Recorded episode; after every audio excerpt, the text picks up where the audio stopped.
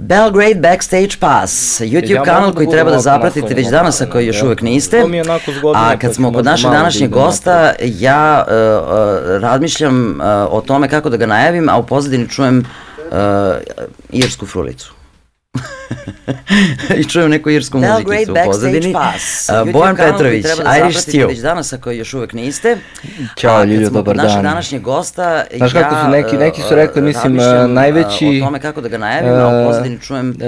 Najveći roker među frulašima i najbolji frulaš među rokerima. Pa da, znaš, da, vidiš, e, to je interesantno, pošto obično na početku pričamo o počecima. Steel. I, ove, i, i planirali smo danas da, da pričamo i o tom tvom instrumentu, pošto dobro duše ti pevaš u, bendu i radiš razne druge neke e, stvari u bendu, Irish Stew, ali nekako ta frula, e, a da, da znaš, da. E, vidiš, to je interesantno, čekaj, frula, obično na početku ja kad sam bila mala, tata mi je dao neke onako frulice, tu i ja sam to nešto kao pokušavala, a kao to nije nikad bilo i nešto, nešto zanimljivo i sad nešto uvek da sviraš neke stvari u bendu, gitaru, neke klavijaturice, nešto da pevaš, E, Ali kao, niko iz moje generacije nešto Čekaj, nije rekao, e, ko što ja ću sviram mala, ful. tata mi je dao neke Kako si ti došla do toga da se da, ja sam ovaj, nešto pokušavala.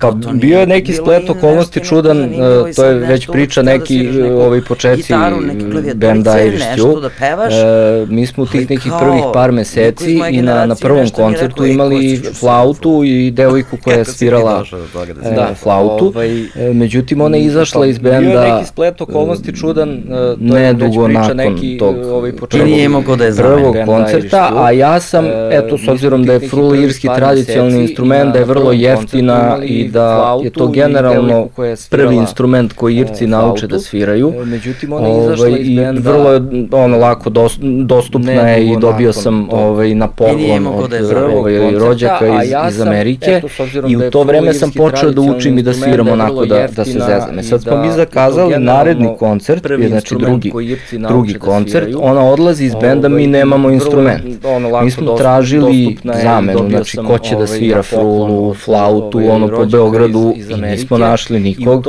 Bilo je, ne znam, mesec dana do tog koncerta i ja sam... Ne možeš da nađeš ni druge neke instrumente, ono, e, instrumentaliste kojih ima, e, ono, gomila, I sad Mi kao da nađeš frulaša. E, znači, i, i da bukvalno, da. da I ja sam flavu, ovaj ono, bio sve bolji i bolji u, u tom rasponu od recimo tri meseca znam, od prvog do drugog do koncerta. koncerta i, ja iz Ćua, ali te 2003. godine. Instrumentaliste koji ovaj, ima bilo je kao pa ništa ljudi, ajde ja ću da stignem da naučim ceo repertoar ovaj, do tog koncerta. Ja sam uspeo to da uradim i onda je bila ideja da nezavisno što sam ja odsvirao taj koncert mi dalje nastavimo da tražimo nekog da bih ja mogao samo samo da pevam, ovaj, međutim nismo ovaj, našli nikog i ja sam bio sve bolji i bolji i na kraju nije ni mogu niko bolji da svira, znaš, kao eto. I sad obožavaš taj instrumental, to ti nije prvi instrument, to nije prvi tvoj susret sa muzikom. Onda je bila ideja da nezavisno što sam ja ocirao taj koncept, mi dalje nastavimo da tražimo neke... Pa kad si bio mali, kao instrument, da, kao instrument, da kažem da sam ozbiljno počeo da sviram neki instrument, jeste frula. Ovaj, ja sam kao mali, imao sam, ne znam, 3-4 godine i dobio sam, imao sam one razne, ono neke Svakako. igračke nije, gitare, nije, igračke nije. bubnjeve, ali to nije pa bilo upotrebljivo. Ja sam za četvrti rođen, da, čini mi se da, dobio prvu neku klavijaturu da malu, Casio, da ovaj, koja je zapravo, da, da, synthesizer koje, koje je zapravo moglo da se svira. Znaš, i, mislim, bile su, ovaj, nisu bile falš note, imala dinamiku. I nisu zvučalo na Da, da, da, znači moglo je ovaj, da se svira lepo, da se proizvodi neka muzika i ovaj, roditelji su tu majstori da, sam ja talentovan jer sam ja uspevao da po sluhu znači, da neke mislim, pesme i pesmice koje čujem ovaj, reprodukujem i, i na tim dirku. I to su bili neki moji muzički početci, to mi je bilo zanimljivo da čujem ne znam neku pesmu na televiziji i onda da je kao sviram na Nisam išao u muzičku školu, do duše u početkom osnovne škole je bivši profesor iz moje osnovne škole na tim dirku. I to su bili neki moji muzički početci, to mi je bilo zanimljivo generalno i po školama po celom Beogradu da- da-, da, da, da radi jednu vrstu audicije ili je pravio e, hor. Nisam išao u muzičku se e, hor dečaka Beograda. Početkom osnovne škole. Hor beogradskih da, dečaka. Da, ali da, i to je trajalo možda par meseci. Ja sam bio izabran ovaj, da, da, da pevam u tom horu jer mi se dopalo kako pevam. Tu je bilo nas 30 recimo nekoliko iz moje škole i još deca. Znači to, to je bio, mislim, prvi, drugi razred, treći, ne, ne mogu se setiti tačno, tako da su to bili neki prvi da, početci da sam ja u stvari par meseci, pevao u horu i eto, to je bio neki moj susret. Gde smo od Tito? Kako pevam, je ne, ne, nisam to, ovaj, da, nisam mlad, ali nisam ni toliko. Nisam ni toliko mator, pa ne znam ja kad sam krenuo u školu, još uvijek su ne mogu se tačno, tako da su to bili neki prvi početci da sam ja ne mogu ovi toga da ne, bile, bili su neki klasni, ne sećam se stvarno, ali ja to je... Šta si slušao? Šta je jedan beogradski klinac tvoje generacije slušao u osnovnoj školi, ja šta u srednjoj? Nisam ni toliko mator, ja sam u osnovnu školu krenuo 93. četvrte, pa eto, možeš da zamisliš. Ja ne mogu ovi toga. Šta je moglo da se sluša ovaj, za, za vreme rata. Ali ja to je... Šta si slušao? Mislim, da, da, ovaj, to je bilo još ono light varijanta. Tek 11 sati. Ovaj, da, znači, ta, mislim, u osnovnoj školi generalno tebe muzika ne zanima, slušaš ono što slušaju svi, osim ako nemaš starijeg brata, kao što ja nisam imao, ovaj, ili uh, roditelje koji su navučeni na neku na ono, priču, moji roditelji nisu bili u, u tom nekom ovaj, muzičkom fazonu, mislim, muzika im je bila negde sporedan deo života i slušali su sve i svašta, tako da nije niko ni mogao da me naš navuče na, na neku priču koji su i većina i moje generacije, stvarno roditelji svi ti drugari, niko nije imao neki svoj ono, fazon koji stvari tek dolazi negde u srednjoj školi. Ja, bilo rokera nekakvih čoveče, nekih bendova, ništa. Ne, ne, u osnovnoj školi ne.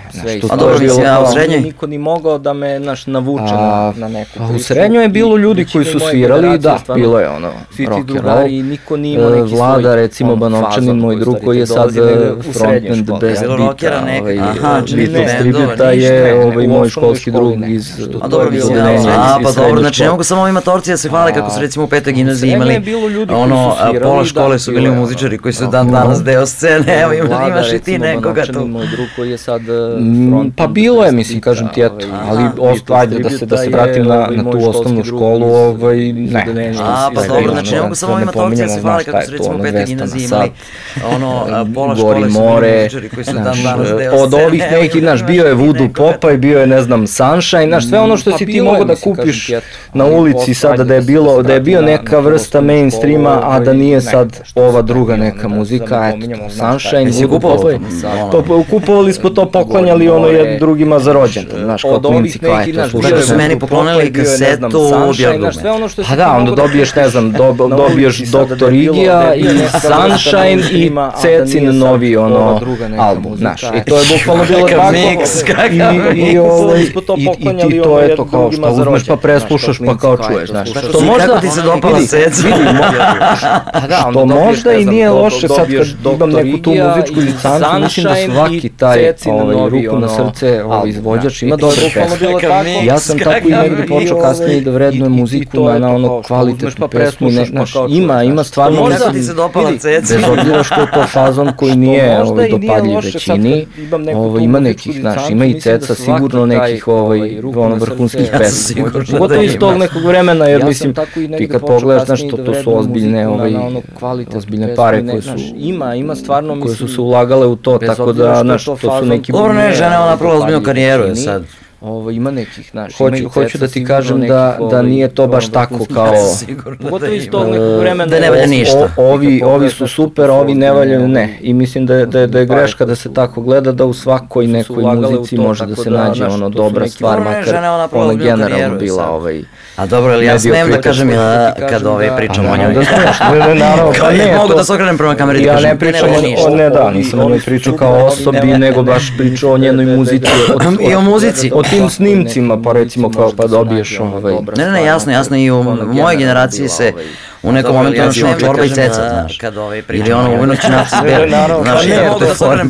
To je nekoliko godina pre. Ne, da, nisam dobro. Ove je bilo, ove, tako da su kombinovali sve i svašta, znaš. I onda su došle te 90. Ja sam bio u srednjoj kad su bile te. Ne, ne, jasno, jasno i u mojoj generaciji se stvari neke, tako da nekako se to izmiksalo, ali i onda kako, kako ti iz toga izađeš da dođeš do irske muzike, gde gde si ti prvi put susreo sa tim i rekao sebi, je kao, ovo je meni stalo.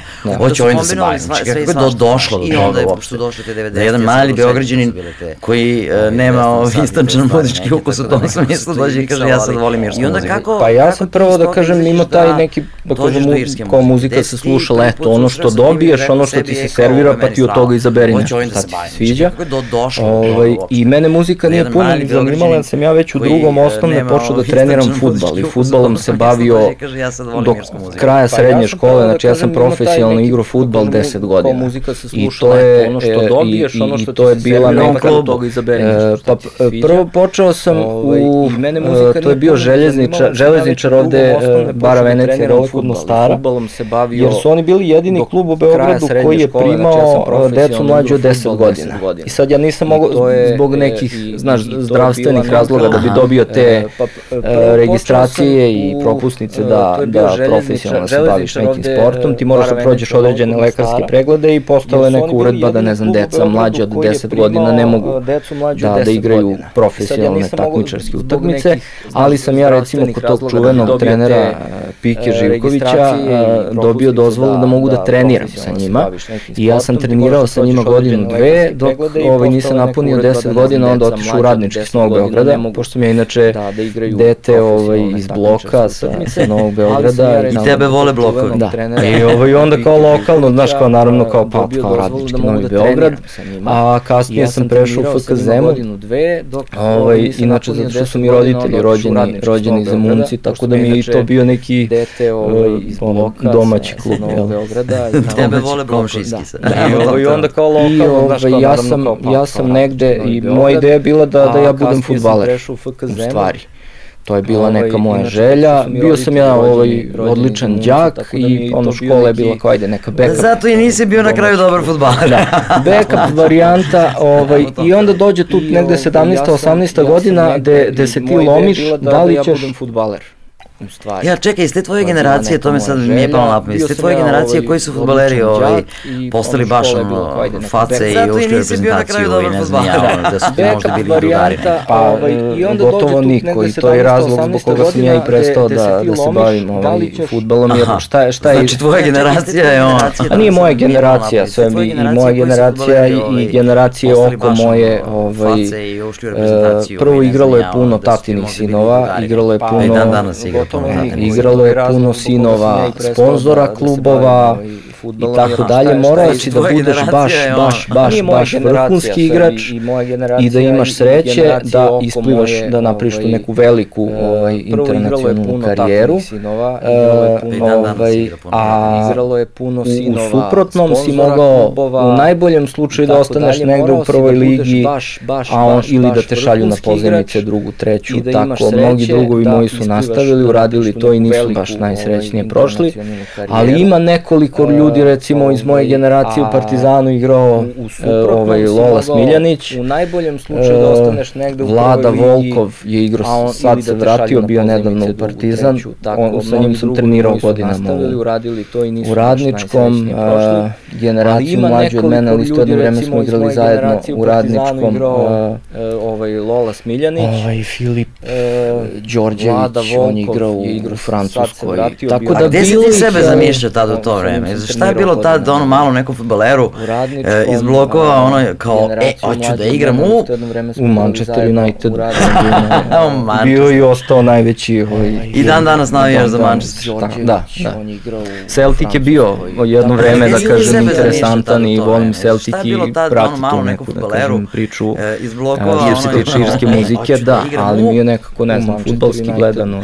Ništa Špancija? Ne, ne, ne, ne, ne. Ništa ja sam ovo, ne, ne, ne, ne, da. Mi Moj sestrić ima sve, o Barcelona, da posteljinu, Barcelona dresove, Barcelona ranac, Barcelona sve. Ne, za meni su, Španci su se ono uvek bili sinonim za ono valjanje po terenu, Italijani su igrali onaj futbol na 0-0 pa da daju jedan gol, ne, ne, ne, da. a ne, engleski futbol pogotovo tih 90. godina je bio nekako muški futbol pravi. Barcelona, Većina jeste volela moje generacije englesko. Španci su ono uvek bili sinonim za sad, sad se to malo ovaj, promenilo, sad je to dosta slično, ali u to vreme je postojao taj. jedan gol. Ali pratiš i dan danas, ono sve full gledaš ili ne, ne, ne, ne, više se. 90. godina je bio nekako. Pravo da ti kažemo, ovaj, sve manje, tada sam naravno pratio me to i moje generacije. I zanimalo, a sad ne, ne bi mogu ni sad, nešto sad ti kažem niko. Pratim ono, pratim reprezentaciju, znaš, išao sam na, na, na utakmice kao kad, kad igra Srbija, ja odem gledam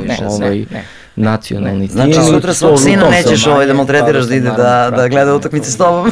Znaš šta, ako bude hteo ja ću da ga vodim, ako ne bude... Ne, ali vidi, znaš šta mene sad zanima, do duše ja nekako, ja sam bila atletičarka, meni su futbaleri na utakmice kao bili nekako uvek antipatični zato što su oni uvek dobijali, znaš, cela moja generacija futbalera u Zvezdi su neke face i neki likovi koji tamo nešto voze neka kola i ne znam ja šta, razumeš?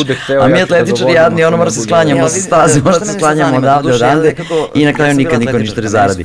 Ovaj, zato ih nismo nešto mnogo voleli. Nekako sam drugačije gledala na, ta, na taj svet. Ali je činjenica da u određenim godinama sport bilo koji, pa i futbal, utiče na, na razvoj osobe koja, koja je u toj situaciji.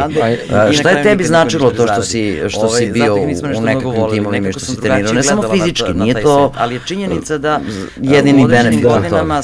Meni prvo bude smešno, znaš, kad ovi naši ljudi kažu, a nije, pošto vojni rok je recimo ukinut, uh, ja nisam išao u vojsku, znaš kada naši ovi kažu, a nije išao u vojsku, on je ono, me kušaš, znaš. A ja sam trenirao futbol 10 godina, ono, znaš, ti kad imaš pripreme, letnju sezonu, pred, pred sezonom imaš četiri treninga dnevno na pripremama, znaš, ja sam bio vojnik mnogo duže od tih šest meseci vojnog roka, tako da to definitivno očvrsne u, u onom psihološkom smislu, a mislim da je dobra životna škola, pogotovo ekipni sport, da ti naučiš šta je timski duh, šta je timski rad, šta je kolektivni cilj mnogo duže. Ovaj, to te spe, bez obzira da li ćeš ti postati, to je to i moj neki savet mladim ljudima, znaš, bez obzira da li ćeš ti da postaneš neki igrač i da li želiš da se profesionalno baviš tim ili ne, pokušaj da treniraš neki sport ako si ole talentovan za neki sport, dve, tri godine. rad, šta je I ovaj, jer to te pripremi stvarno mentalno za, da li ćeš ti postati, to je to i moj život, savet mladim ljudima, znaš, bez obzira da li ćeš ti da postaneš neki igrač i da li želiš da sutra ćeš raditi neki drugi posao, pa ćeš imati neke kolege kolege sa kojima treba da se slažeš, pa će tu biti neka dve, tri godine. A i način na koji rešavaš određene stvari u, u, u samom sportu, kako uh, završavaš ovakve ili onakve treninge, kako završavaš ovu ili onu utakmicu, u ovom slučaju trku. Ti neki momenti su... I, pa i ne, a i neke elementarne stvari, dođeš sa, ne znam, prljavim kopačkama na treningu. I način na koji rešavaš određene stvari u, zakasniš na trening. sportu, kako... A ste vi imali ono ko što smo i mi imali, ovaj, ti recimo si imao redovne naravno lekarske preglede i zubarske da. preglede. Pa, ne možeš da dobiješ dozvolu da se takmičiš ako nemaš, ako imaš više od dva olicka karijesa na signar. A bilo je to, da, da, da. I onda dobiješ naviku da ideš redovno kod zubara, da ideš redovno da provjeravaš što je zdravstveno stanje, da nekako vodiš računa o sebi. Sa tim nije bilo šale i to jednom u šest meseci, ako se dobro sećam, je bio taj, taj lekarski pregled i ovaj, stvarno, da, da. Bilo je slučajeva, ali ne daj Bože, ono, naš mladog čoveka kad, kad strefi ono, ne, infarkt, ne daj Bože da tako nešto, tu, to je, tu nema pomoći, naš mladi ljudi, što je srce jače, to je srčani udar. jači, ovaj, i, ali ne, ne sećam se da je bilo neki takvi slučajeva, a upravo ti lekarski pregledi su tu da, da preduprede takvo, ne daj Bože da tako nešto, takav neki scenarij. Nema pomoći, naš mladi I, ovaj, i sutra, pošto imaš sina, hoćeš ti ovaj, da navijaš za to da on bilo šta trenira, ne mora da bude baš futbol, ili ćeš bukvalno samo da pustiš i kažeš ok, kao su tu da, da ako ti izabereš nešto, izabereš. Takav neki scenarij. Pa ja, ja nekako ovaj, verovatno ću primeniti taj model svojih roditelja koji su onako bili ovaj, vrlo nenametljivi.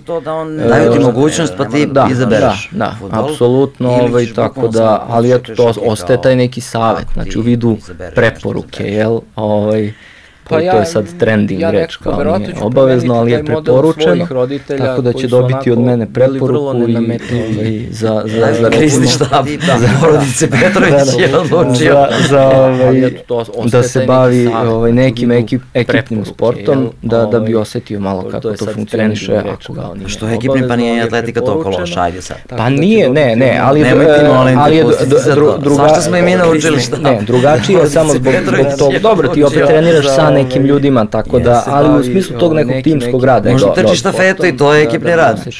Ja sam trčao štafetu, to mi je najekipni, imali smo kupove, gde se sve računa, pa onda navijaš, ali nema druga, molim te. Drugačije smo i mi naučili. Nemoj tako, molim te. Dakle, preporuka ekipnim, pa ako vas baš ne zanima neki ekipni, da može i i to je ekipni rad. Čekaj, a, ove, a futbol danas u... To mi je najekipni, imali smo kupove, gde se sve računa, pa onda navijaš. Sljedeće pitanje, jel? Ne pratim toliko da... da Nemoj tako, molim te. Gledam Partizan i Zvezdu, ovaj kao... Pa ako vas baš ne evropski utakmice pokušavam da, da ispratim. Nego hoću, navijao sam nekada kad mi je fudbal, kad mi je fudbal bio interesantan domaći, navijao sam na Zvezdu. Ovaj, a sad, možemo da nastavimo emisiju. A sad, a sad kažemo, ovaj, navijam i za Zvezdu i za Partizan kad igraju te evropske utakmice i volim da gledam reprezentaciju. Ovaj, i, hoću, navijao, I, ovaj, I onda si nekih 17-18 godina napunio i rekao sebi šta sad ja s tim da radim. Šta ja sa svojim futbolom da radim? Da li ja da budem futbaler i da se mučim i da razmišljam po nekim ono treći ligaškim klubovima u inostranstvu, gde sam šta sam ili da budem nešto drugo? Da, ja sam imao bukvalno... I onda si nekih 17-18 godina napunio i rekao sebi šta sad ja da radim? Da kažem, nepravdi. Šta ja sa svojim futbolom da radim? Da li ja da budem futbaler i da se mučim i da razmišljam po nekim ono treći ligaškim klubovima nekoliko meseci. I ovaj, išao sam na snimanja glave i tako dalje, magnetne ovaj, i dalje i bili su kao pa gomile, zdrav si ovaj, potpuno, ništa, nemaš na moru, hvala Bogu i to. Ovaj, ovaj, I onda me pošalju kod nekog dečije ja kao kronične glavobolje, nekoliko psihologa. I, I ja sećam se da sam išao tu na neke glave i dve, tri magnetne uh, seanse gde pa, smo došli do zaključka da je ta hronična glavobolja prouzrokovana nepravdom. Ovaj, I onda me pošalju Jer sam se ja sa tim pritiskom da tako borio na taj način, borio na taj način, da, da, na taj način, jer da. je to bila ne fair e, seanse, konkurencija gde ti vidiš da ti recimo da tim je ta loš, a u tom timu igra neko za koga su svi svesni da ne treba da igra, se ja sa tim ali on mora da, da igra. Borio na taj način, borio na taj način, dalje, i tu ceo, da kažem, ne ceo timski duh u tom trenutku pada u vodu, vidiš da ti ovaj, i ti vidiš da neki ljudi imaju otvoren put samo zbog toga što, što znaju nekog, а не затоа што знае нешто. Да.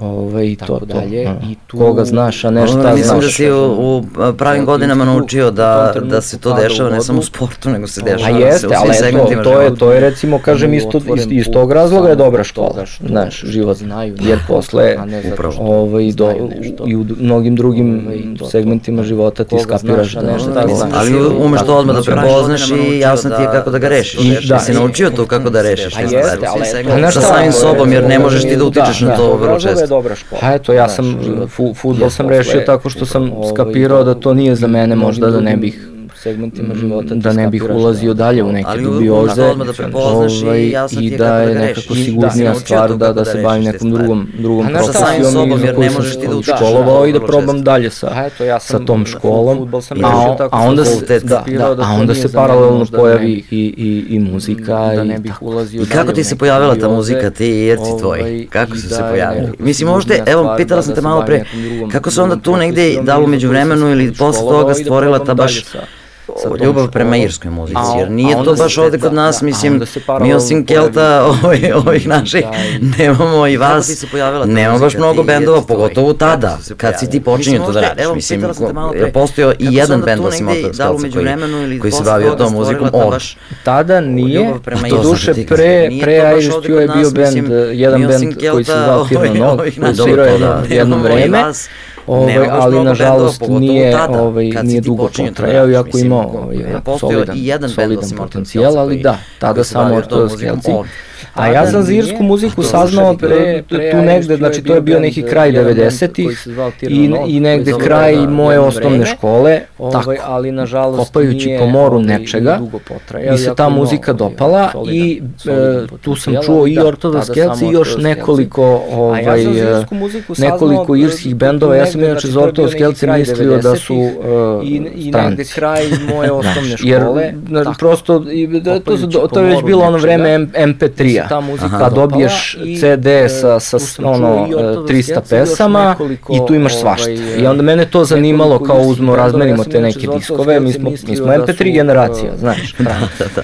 Ovaj, I onda tu preslušavaš. Ja sam mislio kao, ha, da meni su kao, ovo je super, ali ja mislio, znaš šta ti bendu Pogsi su bili. Ovi sa Vinam pliste. Da, da, da, Pogsi su bili, ne znam kao što, I ja čujem, ne znam, neku emisiju, slušam na, na, na televiziji i kao i sa nama je, ne znam, pevač Otto Skelca, ja sam mislio kao, ovaj, čovjek počeo da priča na srpskom i ja kao, ne, znaš, Ovi sa. Da, da, da. I, ovaj, I ništa, ja sam posle i otišao na koncert i tako dalje i ušao u celu priču, ispostavilo se da imam i neke drugari iz osnovne škole koji bi, ovaj, koji bi išli na to i tako smo ovaj, zavolili celu tu priču, onda vrlo brzo upoznaš, to je sve se sve dešava pre Irish Tila, znači neku godinu, ja sam posle i otišao na koncert i tako dalje, ovaj, upoznaš ljude iz takozvanog keltskog društva u Beogradu, mi smo u to vreme, znači to početak 2000-ih imali formalno registrovano udruženje građana koje se bavi afirmacijom irske i keltske kulture i muzike u Srbiji. Ja to nisam znao. Da, i pre, ovaj, boga mi tu je, slagaću te sad, ali bilo je stotinak članova registrovanih koji su plaćali članarinu i družili se i kao išli na koncerte zajedno i razne neke događaje, a možda zamisliš koliko je tu bilo ljudi i sa strane koji su ovaj E, Boga mi, tu je, ko, I tu sam ušao u stvari, e, od, otkrio ceo taj svet ovaj, i, i gomila još nekih drugih, kažem, Pogsi su bili neki kao najveći i najpoznatiji, pa koncerte zajedno i razne prvo dođeš do njih i ortodoks kelci zato što su domaći, iako ovaj, meni nisu delovali domaće kad sam prvi put čuo, a, ovaj, a onda otkriješ da on, si aset drugih, drugih bendova koji se, koji se, i onda napraviš svoj band, napraviš svoj band Irish Steel. I ja sam ovaj, to pomenuo sam ti ovaj, to keltsko društvo, jer sam ja Nešu, gitaristu benda upoznao upravo u tom ovaj, kelskom društvu i ovaj, on je isto, on isto trenuo futbal, bio ranije, pa smo i tu smo imali neke zajedničke. našli na toliko nivoje. ovaj, I, ja sam ovaj, I sad nije nama ideja bila da mi pravimo bend. Nama je ideja bila, on je rekao meni, ja sam počeo nešto kao da učim da sviram gitaru i jel kao ti znaš nešto da sviraš. Ja rekao, nemam pojma, ovaj, a, a rekao, znam da pevam, mislim, pevao sam u horu, imam kao sluha, tako su mi rekli. Ono, ovaj, profesor, pevao sam u ono horu dečaka Beograda. I, ovaj, I onda je bilo kao, ajde da se mi družimo, pa kao možda da okupimo neku ekipu, da mi sviramo kući, jer nam je to kao zabavno. Znam da pevam, mislim, pevao sam I kao dobar nam je trip, dobar nam je fora, kao sedam, ono, sedeljka, popijemo piće, zezamo se, pričamo, malo i sviramo.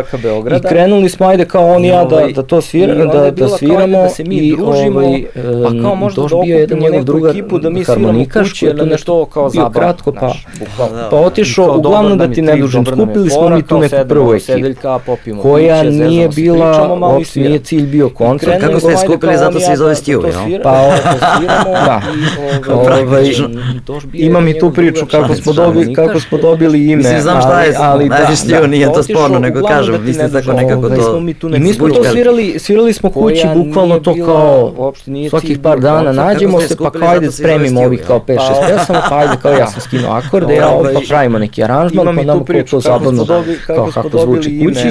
I onda su tu počeli da dolaze neki drugari, znaš, kao jedan dovede ovog drugara oko, se tu skupi, znaš, 5, 6, 7, 8, 10 ljudi, napravimo mi kućnu žurku, ono, svirajući, i onda oni u fazonu, pa čekaj, kao, što vi ne biste kao napravili koncert, negde, kao javno. I onda su tu po, počeli da dolaze neki pa drugari. Znaš, nismo razmišljali o tome, ali kao, ajde, ako budemo imali dovoljno pesama, pa se tu skupi, znaš, 5, 6, 7, 8, 10, tamo nama, mi kućnu žurku, naravno, pomaže cela ta ekipa keltskog društva u tom smislu, da ti imaš sad ozbiljnu fan bazu ljudi te muzike, pa da. koji će podržati svakoga i bilo šta ko... Pogotovo što ga nije bilo dovoljno, da, jasno. Da ovaj, koji su izgurali, da kažem, nama, uh, i, i Orthodox Celts kao band u, u ono vreme, znači 90-ih, su oni bili tu i, i svakoga ko se bavio, da li plesom, muzikom, uh, ne znam, nekom istorijom. Nije bilo dovoljno. Tako, da, su se trudili da tu, da, da tu budu ovaj, da prisutni. i onda Marko, Marko Scott, nije Scott, mislim karakterno, su oni bili Scott kao Škot na engleskom, Marko Scott koji je bio predsednik tog udruženja, e, ovaj, kaže, ajde ja imam tu neke, ovaj, kao znam neke ljude, kao ja ću da, da, da pokušam kao da, da dobijemo ovaj, neki termin i da kao svirate koncert. Marko, Marko I koncert se desio ovaj, 2003. godine u julu u Klubu Fest. Scott, Škot na engleskom. Ovaj, A gde drugde? prvi koncert ovaj, kaže, ajde, ja imam mislim, tu neke, prošao je jako dobro, s obzirom da je prvi koncert benda za koga niko ne zna, znači bilo je Jesu među vremena onda smislili to ime koje ste smislili ili... Bilo je 150, 200 ljudi u festu, što je kao super. A gde to je dan danas dobro stvar. ovaj, ime smo smislili nešto ranije, zato što Fest zapravo je bio prvi koncert, a mi smo imali prvi naš javni nastup, da tako kažem, je bio radijski nastup, jer se 200 ljudi u festu. Mesec dana pre tog koncerta, bukvalno ovaj, ispred studija na probi nam se pojavi čovek, ono maltene iz žbunu iskočio, ovaj, e, malo stariji od nas, onog, mi smo recimo bili kraj srednje škola, on je bio možda prva godina fakulteta, e, ovaj, Strahinja Kolašinac, koji je e, dečko iz Obrenovca, koji je tada na radio Obrenovcu imao svoju emisiju koja, koja se bavila irskom muzikom. I on ovaj, nam ispriča pa ja sam strahinja, ovo, ono, meni je super, jel biste vi mogli dođete da odsvirate kod mene na radio akustično ovaj, u emisiji, znači, i mi kao e, čovjek došao zove nas, mislim, kao da totalno je bio taj neki ono community fazon, znaš, ono da, druženje da, da, i kao da izguramo tu priču. I on nam ispriča ovaj, ja sam strahinja, kao naravno, i, a nismo imali ime tad i onda smo ovaj, bukvalno to Irish Stew je smišljeno na, na brzinu, demokratski elektronskim glasanjem, ali pošto nas je bilo šest, fazon, znaš, uvek je bilo kao ti, ti izbaciš jedno ime i onda glasamo za ili protiv. I, ni, ste ga organizovali. I nije ni jedno ime bilo da su četiri imena za, da su četiri člana benda za i, ovaj, i nismo, od 30 imena su sva otpala. I, ovaj, I onda kao dobro. Čekaj, vi ste imali 30 varijanti za ime benda, pa ja ne bih mogla sad da se setim ste ga organizovali. A svako je dao neku ideju, onda smo za sve te ideje glasali i onda niko nije uspio, ni, ničija ideja nije prošla. I onda kao čekaj da ova demokratija ne funkcioniše. I, ovaj, I onda je bilo nešto da na trku na frku ovaj, je, je moj čale ovaj, bukvalno lupio Irish Stew kao to irsko ovaj, tradicionalno jelo. Eto, i onda smo bi bili u fazonu, valjda ako nije niko od nas dao predlog, onda nema sujete kao daje neko sa strane i onda eto, to je, može. Ali ste dodali? Dodali smo kasnije o Sindidun, što je kao Sindidun je kelsko ime za, za Beograd. Jasno. Što bi bilo kao da kažem irski gulaš na beogradski način, Irish stew predlog. A beogradski je, da može da bude i kao titula, znaš, ono, Irish Ali ste dodali. Dodali ste kasnije o Sindidon, što je kao I, ovaj, i dobro, ali super ste prošli, znači, taj fest vas je negde... bilo kao da kažem irski gulaš na beogradski način. Već je napravio od vas ne, nekakvo ime, ja, u to vreme, u to vreme je, u to vreme je generalno, mislim, više ljudi bilo na koncertima, ne samo našim, nego, nego svuda. Ovaj, I dobro, ali super ste prošli, znači, taj recimo, već drugi, negde, drugi koncert je opet bio u festu, jer kao ono, dobro smo prošli, dogovorili smo kao za tri meseca sledeći datum u to vreme, i ovaj, vreme je, tu se već tražila karta više. Mislim, A mi smo bili demo band, znači to je band koji svira nego, nego obrade Jel? Ovaj, I, I mi smo prodali već drugi, recimo, drugi koncert, mislim, ne znam, ali bilo je tu, znači ne znam koliko je sad kapacitet festa, da, koliko se razlikovalo u ono i današnje vreme, ali recimo, da, se već tražila karta više. Ali je to, sve izbaci na demo band. Bilo je uglavnom jako puno ljudi, pa sad da li je bilo rasprodato ili ne, ne mogu ni da se setim, nije nam to bilo ni bitno. Ne znam, ali bilo nam je bitno da sviramo i da nam bude super zesa. I onda smo svirali na tim raznim gimnazijskim svirkama. Pokušavaju se, gde god nas je neko zvao, zvali su nas, mi smo jako puno ljudi. Samo da se svira, samo da, da se svirali, ne, ne mogu ni da se setim, nije nam to bilo ni bitno bilo nam je bitno da sviramo i da nam pa, bude super zesa. Irske tradicionalne pesme. I, I kako onda došlo do toga da sad vi radite svoju muziku koja opet se na neki način oslanja na to. Mislim, to je da vrlo tipav moment uh, koji ono, mogu u nekom momentu da pričam i sa ekipom iz Ortog Skelca, jer kao ti radiš nešto što se oslanja na nečiju tradicionalnu muziku, a opet treba da je tvoje tipa moment uh, gde se tu mogu traži taj, taj međuprostor? za autorsku muziku ti radiš nešto u, u Irskoj. Što pa dobro, nije, pazi, mi smo tu irsku muziku eto svirali, jer nam je bila interesantna i, i volili smo. Pojavila se neka potreba, znači to nije bio plan, nije nam niko rekao vi biste, znaš, trebalo bi da radite ovaj, mi smo tu irsku muziku eto svirali, jer nego je, eto, meni, meni je nešto došlo tako da je mi je zanimljivo da napravim nam niko rekao, ovaj, ne, ne, neku znaš, pesmu koje da, nema. Trebalo bi da radite, Još uvijek, ovaj, znaš, je bukvalno da. to. Znaš, to neko, neko naivno, je, ovaj, eto, meni, meni je naivni doživljaj muzike da uopšte nije loš, da jer ti što manje stvari ovaj, znaš, zapravo. Pesmu jednostavnije ti je, jednostavnije je bolje. Ti si potpuno rasterećen, a samim tim si potpuno fokusiran na ono što je ovaj, najvažnije da uradiš. I ovo, što kažu ljudi, ono svirajte koncert, kao da vam je poslednji, ne, ja verujem da treba svirati koncept potpuno rasterećen. Jer taj prvi ti, ti tu ne znaš ništa i znaš samo da hoćeš da razvališ i da je to strava. Vidiš li, to je, to je najbitnija stvar. I to u stvari dovoljno, zato smo mi na tim nekim demo festivalima pokupili ovaj, sve nagrade publike i ako smo bili objektivno polusirači, to je najbitnija objektivno bilo ovaj, mnogo boljih bendova sviračkih pokupili, naš, tehnički, ovaj, ali ta energija i to što smo mi imali tu neku, to neko neznanje, ali želja i entuzijazam i ovaj, iskren odnos da se sa tim ljudima dobro zezamo, to je publika prepoznala. Naš, tehnički. I, i tako smo krenuli, e posle dođe trenutak kad naravno moraš da se to neko neznanje, u tom ali želja da i entuzijazam ne možeš, znaš, sve vreme baš da tako ovaj... Dobro, to jeste, ali taj moment tvoj gde si rešio da napišeš pesmu i kako, znači ti ti pišeš pesme i Uglavnom sam, da, da, 95% pesme. I tako si ti rešio da napišeš nešto što...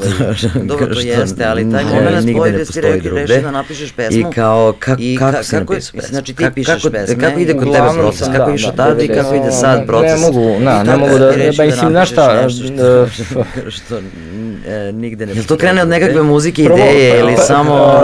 Prvo krene iz dosade da, da ti je dosadno da više sviraš nešto tuđe. Ne mogu, Dobro, ne mogu da, pa kao ajde nešto sad ajde, ajde sad kao nešto Jel to krene od nekakve muzike ideje ili samo... E, prvo krene, e, ajde sad kako si ti napisao prvi tekst, recimo? Da ti je dosadno da više sviraš nešto tuđe. E, joj, ne, ne mogu, da, ne mogu da se setim, mislim, pazi. Jel prvo muzika ili tekst idu kod tebe ili kako? I onda to novo je tvoje. Kod mene je, e, ajde sad obično išlo paralelno, tada, mhm. znači sve nešto, kao, napravili se, ja sam sad usput naučio i da sviram gitaru, ovaj, u tom nekom periodu kao osnovne neke akorde, znao sam i ono na klavijaturi, tako da mogu, mogu sam da pravim da, tu neku znači akordsku ono, progresiju i da, da sklapam harmonije i da u drugim pesmama koje slušam prepoznajem ovaj, harmonske obrte, što mi je nekako eto bio bio neki dobar alat i onda kad da čujem neki akord, aha, znači posle ovog akorda, da, da vidiš kao iz F možeš u G mol, jo što je to dobra fora, kao daj sad ću ovu svoju pesmu, moram da iskoristim tu foru,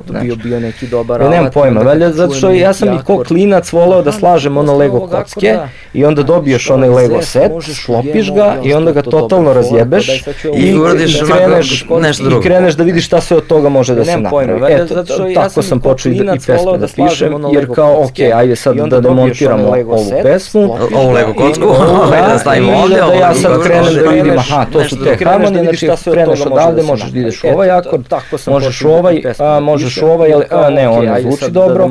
Znaš, i bukvalno sam prva pesma koju ste objavili da je Kolektor? Prva pesma, e, mi smo već na tom, čini mi se, drugom koncertu u festu imali dve naše pesme. Jedna je bila Running from the Destiny koja se našla na prvom albumu o bombardovanju, NATO bombardovanju Beograda. I druga pesma koji isto jedan, koja je bila jedan od, od hitova. Jedna je bila Running from the Destiny koja se našla na prvom albumu Stout, o bombardovanju kao, kako volimo da pijemo crno pivo, ono krajnje.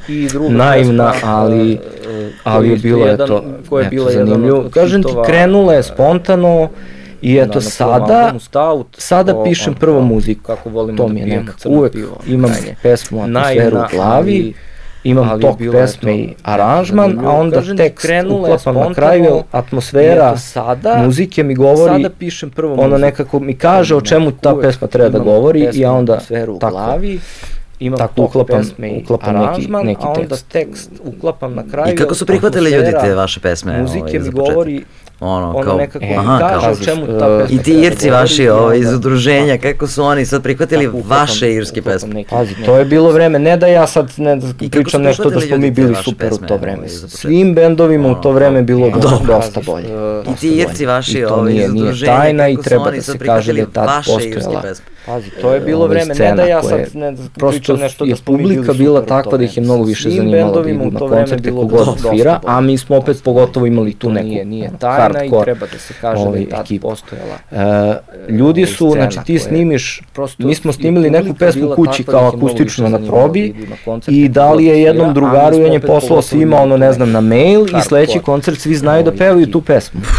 A nema šta ono ti sad snimiš, moliš nekog da posluša tu pesmu naš stavljaš ono Facebook reklame da bi neko došao do tvoje pesme da bi ne znam kliknuo na nju. Ne, ovdje i da je dalje ne zna, nego je da. preslušao možda malo i da su ljudi želeli da čuju da, da posluša tu pesmu, šeruju naš fizički ono, sa drugima Facebook reklame da bi ovaj, neko došao do tvoje pesme. ljude to da zanimalo, bilo im je važno. Ne, ovdje i da je dalje ne zna, nego je možda Čisto na konto toga kažu neki ljudi da je kao kvalitet, nema kvaliteta pa ne.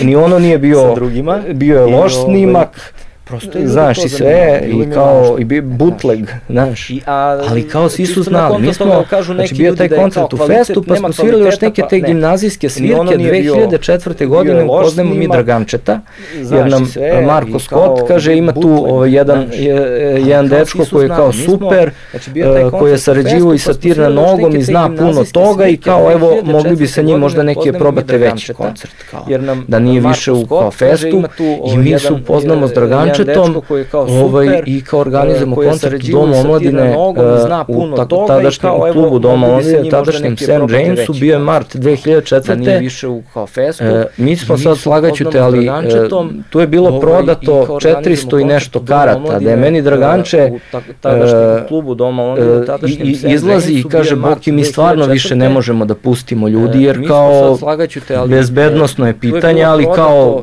ono, prošli smo ozbiljno dobro inače E, Mislim i kao okej, okay, znaš, šta ja znam šta je dobro, šta nije dobro, treći mi koncert, razumeš, meni je to kao sve. Kako si ti uleteo, znači klizeći na scenu, ej. I ovaj, ušli smo I kao super, znaš, onda smo mi videli da tu, to, tu su čak se zaradile neke pare. Šta ja znam šta je dobro, šta nije dobro, treći mi koncert, razumeš, meni je to kao sve. Ali smo onda videli da kao tu znači, nešto, znaš, kao bi možda bi možda bi taj sistem mogao da bude samo održiv. Smo mi videli da tu, to, tu su čak se zaradile. I možda je u to vreme imao. To tek. Mislim, I šta mi, e, vidiš, vratit ćemo se tu još na neke priče, ali uh, kad već pominjemo taj moment uh, kako je tad to nešto moglo, uh, sad već koliko godina, deceniju ne može. I šta mi je, ne može definitivno, drugačije se funkcioniše. Ali, Zašto ti misliš da ne funkcioniše to tako? Kad već pominjemo taj moment kako je tad pa, to nešto moglo. Činjenica da se promenilo vreme, generalno i način života. Deceniju ne može. Ako me pitaš vezano ne može, za scenu sada u odnosu na... Pa da, da, to, to. Zašto su tad ljudi išli na koncerte u toj meri? Zašto ih je zanimalo da čuju nečije pesme? Zašto ih sad ne zanima i da odu na koncert da čuju nešto novo, nego uglavnom samo ako je proveren izvođač? Za scenu sada u odnosu na... Pa ima puno problema u svakom ljudi išli na koncerte u toj meri? Segmentu. Zašto ih je zanimalo da čuju nečije pesme? Da, da Zašto ih sad ne zanima ali, i da mislim da je suština, da novo, suština, to jest ona, glavna stvar koja je problem je bukvalno ima puno to što je proš, prošlo vreme, a mi smo od 2000, od 2020. do evo 20 godina kasnije propustili da napravimo barem dve nove generacije bendova koje će biti nosilac scene. A mi smo od 2000, Znaš, dva, od 2020. Jer nije normalno, pazi, ja kad sam recimo imao 15 godina i moje društvo i sad ja kad gledam dve nove koji je bio faca sa 30 godina u punoj dan danas je faca. Jeste, meni. Uh, jer nije normalno, pazi, imao sam drugare koji su se ložili na nešto, Kojota, Macu Celtika, Goluba, faca, to je bila ekipa koja je imala 25-30 godina. Jeste. I mene. De, de, dečak od 15-20 godina, role model mora da bude neko ko je malo stariji od njega. Ne može sada to je bila Role ekipa model da bude klincu Aca Celtic koji ima toliko godina, da. U, koga ja mnogo volim, i Golub, i Kojot, i cela ta garnitura, da bude neko oni su sad legende i veliki ne može sad izvođači, ali ne mogu oni da budu uzor klincu od 15 godina. To nije normalno, to je patologija. I golub, Znaš, kojot, cela ta garnitura. Trebalo je da se desi, zašto se to nije desilo, možemo da pričamo. Trebalo je da se desi smena generacija, da veliki izvođači nastave. To nije normalno. Zašto se nije desilo smena generacija? Znaš, A da recimo 2005. Da 10. dobijemo novu scenu sa, sa te, naš, 90-ih smo imali mi recimo, ne znam, desetak, 20 bendova. Dobro, zašto se nije desilo oni su, Oni dan danas sviraju. Su, ma, oni treba i dan danas da sviraju. I da li oni su i dan danas nosioci scene? E, to, da su živi, zdravi, ovaj, ono, još 100 godina, što bi rekao Bajaga, još godina 100. Ovaj, oni dan danas sviraju. Ne mogu oni da budu nosioci scene, scena ne postoji, ja mislim da zato što zdravi, nema mladih ovaj, ljudi koje to zanima. Godina, što bi A mlade ljude to ne zanima, zato što nemaju svoje ovaj, mlade uzore koji će da ih pokrenu. Da Imaju, oni su potpuno drugim ovaj svetovima.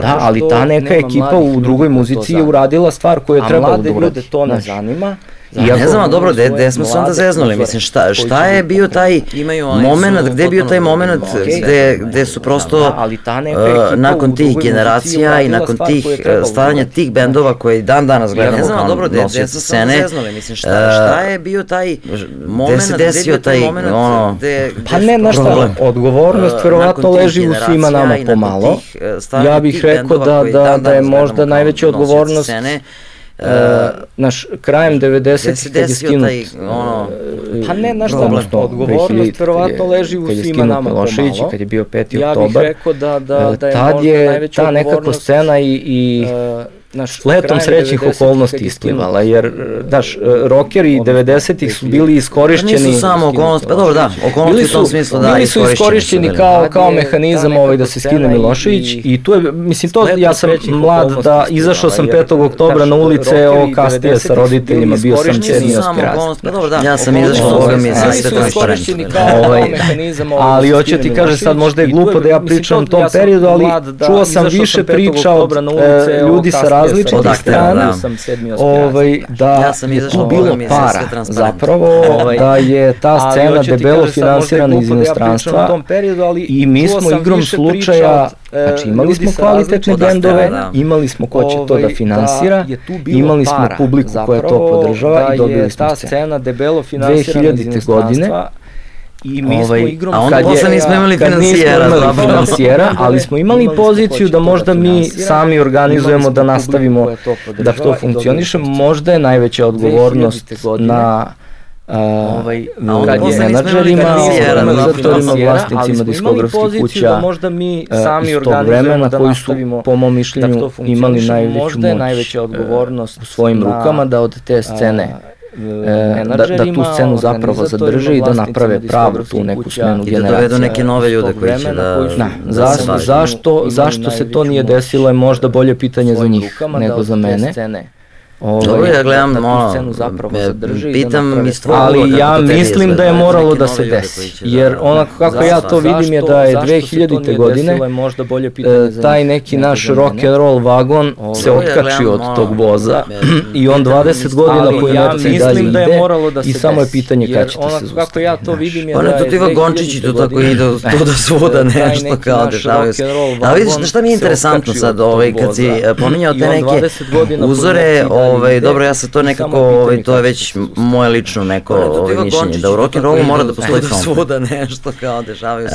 I da je nedostatak frontmana u nekim silnim srpskim bendovima zapravo jedan deo ovaj, dobro, ja sam to nekako, ovaj, krivice može da snosi za, za to što nam se desilo, zato što energija rock and rolla i da je, je prosto negde takva, čini mi se da, bendovima zapravo jedan deo ovaj, da mora, moraju da postoje ti neki, ne mora jedan jedini član benda, naravno, da bude taj kao, znaš, nego prosto moraju to da budu neke persone je prosto koje će na bilo koji način da se da, izdvoje da, i da na neki način opet budu da uzori mora, tebi, da ovome, onome, razumeš? Jer znaš, ti kad pominješ bilo koji od tih bendova, da, jesu to dobri bendovi, ali ti ćeš prvo zamisliti da tu neku osobu koja tebe na bini dovati, kaže, ej, uzori, tebi, ovome, onome, razumeš? Ja kad zamišljam rock and roll, ne zamišljam ga kao ravnu liniju, znaš, a čini mi se da se mnogo nekih bendova tu neku pojavilo gde je sve tako nekako ta la la la la la la la la la la la la la la la la Ja kad zamišljam rock and roll, ne zamišljam ga kao ravnu liniju, znaš.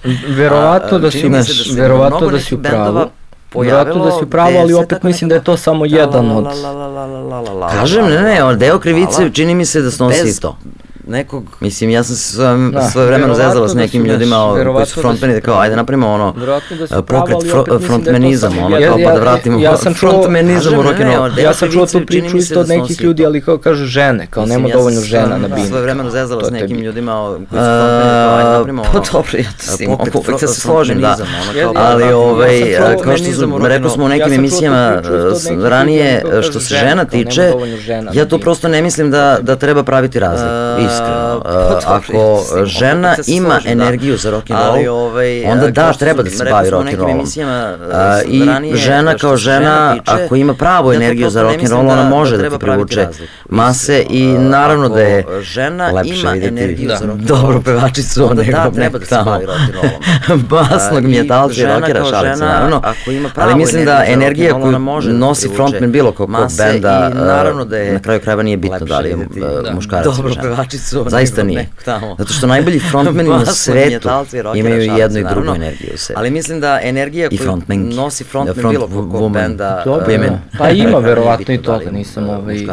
Ali opet kažem, to je, to je možda nešto kao kako da od vrlo dobrog dođemo do odličnog. Znaš, a mislim pa ne, da nama pre nismo ni vrlo dobri, e, pa nismo ni dobri. To ti kažem, mislim da nama, nama fali ono... Mi smo jedva dovoljni, ali nisam baš siguran ni da li smo dovoljni. Nama fali od 2 minus do 4 plus, a onda ćemo lako da doguramo do petice. Na, pa ne, nama kažem, kad bi dobili prelaznu dvojčicu, da samo da izađemo, razumeš, ono, mi smo jedva e, dovoljni, iz tog razreda bilo bi dobro. Ja, ja kažem, eto, moje mišljenje, sve neke problemi možemo da analiziramo ovaj sad. dobili prelaznu dvojčicu, samo da ima tu puno, puno nedostataka, e, ovaj, i kod samih bendova, i kod ljudi na medijima, muzičkih urednika, organizatora, menadžera, znači niko tu nije, da kažem, čist ovaj, ima tu potpuno puno, puno i, i da, i, i na ovaj i na onaj način. Su bendovi krivi? To me zanima isto, zato što, ok, kao muzička industrija funkcioniše na ovaj ili na onaj način i to sad sa ljudima koji se bave nekim drugim segmentima muzičke industrije može da se ovaj, priča.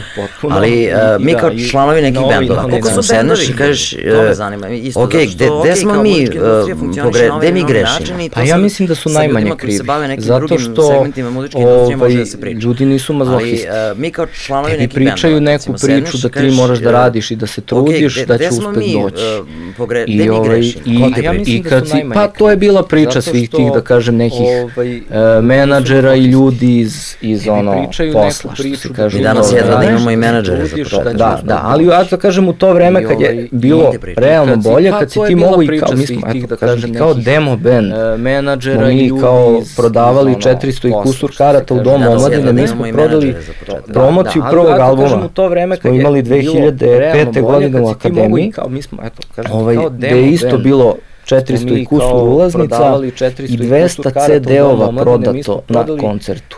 Znači svaki drugi čovek je kupio CD. 2005. godine u akademiji. Tako a ovi drugi su već imali kao. a sad kao, mislim, ne da se ne sluša CD, ali kad se slušao kao, znaš, na koncertu. Znači svaki drugi čovek naš budi pamet. CD. Ovaj, jer Sjajne. objektivno Tako, muzika da, koju imali kao. sviramo, sad, ne samo mi, mislim, drugi ne da se ne sluša CD, ali kad se slušao kao, nego, znaš, nego što, što je bila onda. Znaš, naš budi pamet. A recite ovaj, meni, pošto ta, taman ovaj, e, te, tebi je kompjuter jedna vrlo važna sprava u životu i generalno ovaj, internet. Nego, e, kad već nego što, što je bila si u tom svetu, Koliko misliš da je meni, pošto, taj e, segment tam, tam, ovaj, postojanja te, te u današnjem društvu zapravo uticao na sve to o čemu mi pričamo? Pošto, znaš, vrlo često se u razgovorima sa, sa ljudima ovde baš koliko vraćamo na to koliko je internet i slušanje muzike na internetu u današnjem društvu zapravo, zapravo negde dovelo do toga da ljude na kraju krajeva mrzi da, da, da odu na koncert i da kupe CD ili da kupe makar majicu da nekom bendu pomognu ili tako nešto. Možda delimično možda delimično, e, ali znaš šta, u to vreme je bilo i pozorište i bioskop. Da, da, da odu na koncert. Pa ljudi da dan danas idu u da pozorište i bioskope, a da nešto manje na koncert. Ali manje ti možeš predstavu da gledaš na... Jeste, jeste. Online nego muzike da čuješ. Da, ali koncert bi trebalo da bude... Da budeš ti da bi otišao da odgledaš predstavu ili pa i film ti možeš da budeš sedeš da skoncentriš što je film, da okej, to je to, to je predstava i odeš na predstavu. Jeste, a muziku možeš slušati da svuda i kao, no, naravno da ja da bi i dalje tvrdim da slušanje muzike na koncertu je nešto pa i film, najsavršenije na svetu i da ne postoji da, ovaj, drugi razlog za bavljanje muzikom nego koncert kao koncert. A, a muziku možeš slušati ali, znaš, negde, naravno da ja i dalje tvrdim da slušanje muzike na Zašto se ta muzička publika toliko najsavršenije na svetu i da ne postoji? ostale možda i nisu. Drugi razlog za pa, bavljanje muzikom nego koncert Pročitao sam sjajnu knjigu jednu ovaj, pre, pre neku godinu od Davida Birna, frontmana. zašto Talking zove se, ima i pre, prevedena na, na naš jezik, zove se Kako radi muzika. Pa, Ona nije klasična njegova autobiografska knjiga, nego bukvalno jedna analiza muzike od njega. Nemam tu u kolekciji. Obavezno, treba, ako voliš knjige koje su pisane sa, sa neke analitičke strane i istorijske, ona nije i kao poluudžbenik, bukvalno, ovaj, jedna analiza muzike zanimljiva. A ima i njegovih nekih, da kažem, biografskih, on naravno kroz svoj život i priča o tome, ali, ali nije fokus na njemu, nego je više on. I kao poluudžbenik. Ovaj, bukvalno, muzika je ovaj, nastala kao živa stvar. Ima i njegovih svirala se da kažem biografskih, on naravno kroz da li, svoj život i priča o tome, ali ali nije plemenu, njemu, nego nekoj zajednici kao što smo se mi našli ovaj, kući i svirali za svoj duš. Pleme, ajde, ovaj, E, onda se pojavio snimač e, zvuka da li i nosač zvuka da, da. lokalnom plemenu potpuno promenilo zajednici ovaj, kao što smo se mi našli priču, kući ali za svoj duš pleme i ovo je promenilo celu e, onda se pojavio snimač zvuka. Jer je ovo drugačiji nosač, nosač zvuka. zvuka i mnogo dostupniji nosač zvuka. Znaš, hoću da, hoću ti kažem da nekad si morao, šta, šta da, da, da nekad nisi imao YouTube i da bi čuo nekoga uh, kako svira, zaista, moraš da odeš na koncert i da vidiš te ljude, moraš da odeš na koncert. Da, a, s druge strane, nekad nisi imao YouTube znaš, sad prosto nekoga odeš na YouTube, odgledaš, a, odgledaš, odgledaš, dobro, dobro, dobro, dobro, važi, i da vidiš te ljude, moraš da odeš na koncert. Znaš, i sve se svodi na, ove, na nas frikove koji e, moramo da odemo na koncert. Mrzi me ne mogu je sinonim za dobro, dobro, dobro, važi. ne volim to dovoljno i nije mi dovoljno stalo do toga. Znaš, i sve se svodi na, ove, na, nas frikove koji to je suština. moramo da odemo na koncert. Znaš kako sad, to je opet stvar mladi. Da, starije ljude jeste, generalno, sve malo Ne volim to dovoljno i nije mi dovoljno. A mladi slušaju nešto drugo. A mladi slušaju nešto drugo i kada bi mladi, da kažem, kada bi bilo mladih, a mladih nema upravo iz onog razloga što sam ti rekao, mi nemamo smenu generacija, generacijsku smenu bendova, znači od 2000 pa na ovamo trebalo je bar dve da se recimo desi, svakih 10 godina bi bilo super, pa da sad na nekim tim velikim festivalima imamo smenu generacija, ovaj, i te bendove koji su bili lideri scene 2000. godine, ali da imamo i neke ljude koji će, znaš, da dovuku tu mladu tim velikim festivalima imamo... A kako da dovuku tu mladu publiku? Znaš, ja sad proučavam vrlo često. Sad nikako, oni nikako i oni neće moći ni mi, mislim, ja sam već generacija. Ti misliš da je sve izgubljeno, da nema sad... Ne, ovaj, nije sve izgubljeno, ne, nije sve izgubljeno, ali mislim da, da će morati da postoji jedan dobar period, pa sad, dok, nikako, da, dok se ne pojave novi bendovi koji će, ne znam, ja sad ovaj, nešto početi da radi, poput recimo ih momaka, Dram, što si dovela, poput recimo Bučke Sidija, dok, e, ako, da, dok se ne pojave novi bendovi mogu da postanu jako veliki ovaj, i koji animiraju ljude da dođu na koncert. Misliš da ti bendovi e, koji se sad pravljaju u tom smislu, recimo ova dva koje si pomenuo, imaju kapacitet da postanu zaista veliki bendovi ili su samo... Imaju kapacitet da postanu veliki bendovi, ali dva benda ne mogu promeniti scenu, ali ako se pojavi... Kako promeniti svet, kako se zove album, mi nećemo promeniti svet. Ako se pojavi još 12 takvih bendova, koje, znaš, ti kad pogledaš na na njihove koncerte dolaze uh, klinci koji su prvi put došli na koncert. Mi nećemo promeniti. A gde su klinke, to je još klinaca. da, da, Tako da ti ljudi koji, koji, ovaj, koji sviraju, koji dolaze na njihove koncerte, shvataš da ljudi koji dođu na Butch Cassidy, to je prvi koncert koji oni gledaju uživo. To je još klinaca. Vrlo verovatno, prvi koncert uživo. Tako da ti ljudi ovaj, koji... I onda će njima to da bude wow. A ne može da im bude wow dolaze na njihove koncerte, da prvi koncert bude Riblja Čorbas, uz dužno poštovanje onim velikim umetnicima. Znaš, realno, objasnio sam. Jedan od prvih koncerta koje sam ja čuo u životu, da će njima to da bude wow. A ne može da im bude wow, možda sam ranije išao s mojima, koncert bude Riblja Čorbasa. U, u neko ranije vreme je možda i bilo ovaj, interesantno jer si imao i veći izbor, sad i nemaš toliko. Ja znam da samo, mislim, ja bih volao, pazi, ja ti to pričam, ja, ne, ja nemam taj neki kompleks, ono da sad imamo sebi neko, ne znam koliko visoko ovaj, mišljenje, ja sam svestan toga. i meni je jasno da je i naša publika kad smo mi bili mladi bila mlađa. Ja ti to pričam, I da jednostavno što smo mi stariji, ono da sad imamo sebi neko, ne znam, te mlade publike e, nema. Dobro, ali vi niste sad kao, ne znam, klasičan rock and roll band. i vi imate svoju vrlo da, specifičnu priču. E sad ti reci meni jednu stvar, koliko ima ljudi, mladih ljudi koji, kojima se dopada taj zvuk, taj Irish? Dobro, ali njima je manje. Nije nešto što je vezano za generaciju band. I vi imate u suštini, da, da, da, mislim, pa mislim, pazi, cela priča, nije, ne bih ja tu sad svrstao to, mislim da nema veze sa, sa žanrovima, to toliko. Nama se dopadala ta irska muzika, a nama je bila super ta ekipa koja je tu postojala, pa je to izgurala. Opet muzika koju mi sviramo nije to irska tradicionalna muzika. Pa nije, ali se oslanja na to se vreme. Da, ali smo se negde uvek svrstavali u taj, da kažem, rock and roll, da zbog nekog koja je tu postojala, pa je to izgurala. Ideološkog stava. Mi sviramo, nije to irska tradicionalna muzika. Pa nije, ali se izvini, šta, šta ti izvitala sad? Hoće kažem, koliko, koliko mladih ljudi sad ovaj, se loži na taj Irish zvuk? Generalno, ne, ne, ne zbog vas kao vas, nego onako koliko im je to interesantno, jer kažem, Irish zvuk u, u, u globalu nije nešto što ćeš sad ti da vezuješ za da, da, generaciju mog tate ili tvog tate ili generalno naše dece. To je pa može i da bude, znaš, jer nije, nije samo stvar žanrovski, nego način na koji ti to predstaviš ljudima i to je jedan isto od, od, od, od problema. Ti sad pogledaj neki ono kako su rock bendovi zvučali, izgledali 80-ih i kako izgledaju zvuče sad. na koji ti to predstaviš a, a naši bendovi koji su svirali 80-ih isto zvuče sad kao i 80-ih. Dobro, ima neki svetski bendova koji zvuče možda bolje, ali se onda pojave ovaj, kako izgledaju sad, posle 100 godina ti kažeš, au. A naši bendovi, ali oni nisu lideri, nisu nosioci scene, zvuče sad kao i 80-ih. Nego ti koji su nosioci su promenili neku formu. Zvuče možda bolje, ali se onda pojave, ovaj, to ti kažem, promenilo se vreme. Ti da bi, ali oni i kriterijum publike se ovaj promenio. Ti kad pogledaš kako izgleda svetski koncert, a ti klinci su na internetu pa gledaju kako, znaš, u to vreme možda ovi naši mladi nisu mogli da vide kako izgledaju kao veliki Pa si mogu da im potvoriš, znaš šta. A ti sad, znaš, kao kako izgleda, ne znam, koncert kao Lady Gaga, kao Rihanna, nebitno od žanra, znaš. I onda oni to očekuju i ovde vide. Očekuju da ovde vide to od, znaš, nekog našeg kao velikog rock benda, a ne od, znaš, a to uradi, a, ne vidi. a to uradi Aca Lukas i Nataša Bekvalac, jer imaju kao bolji light, e, razumeš, od svih bendova, mislim. Jedini ko kao parira je Nikola Vranković, mislim, u tom nekom smislu, jel vidiš da čovjek, mislim, naš pravi nešto, uspeva da, da, da pliva, da plovi.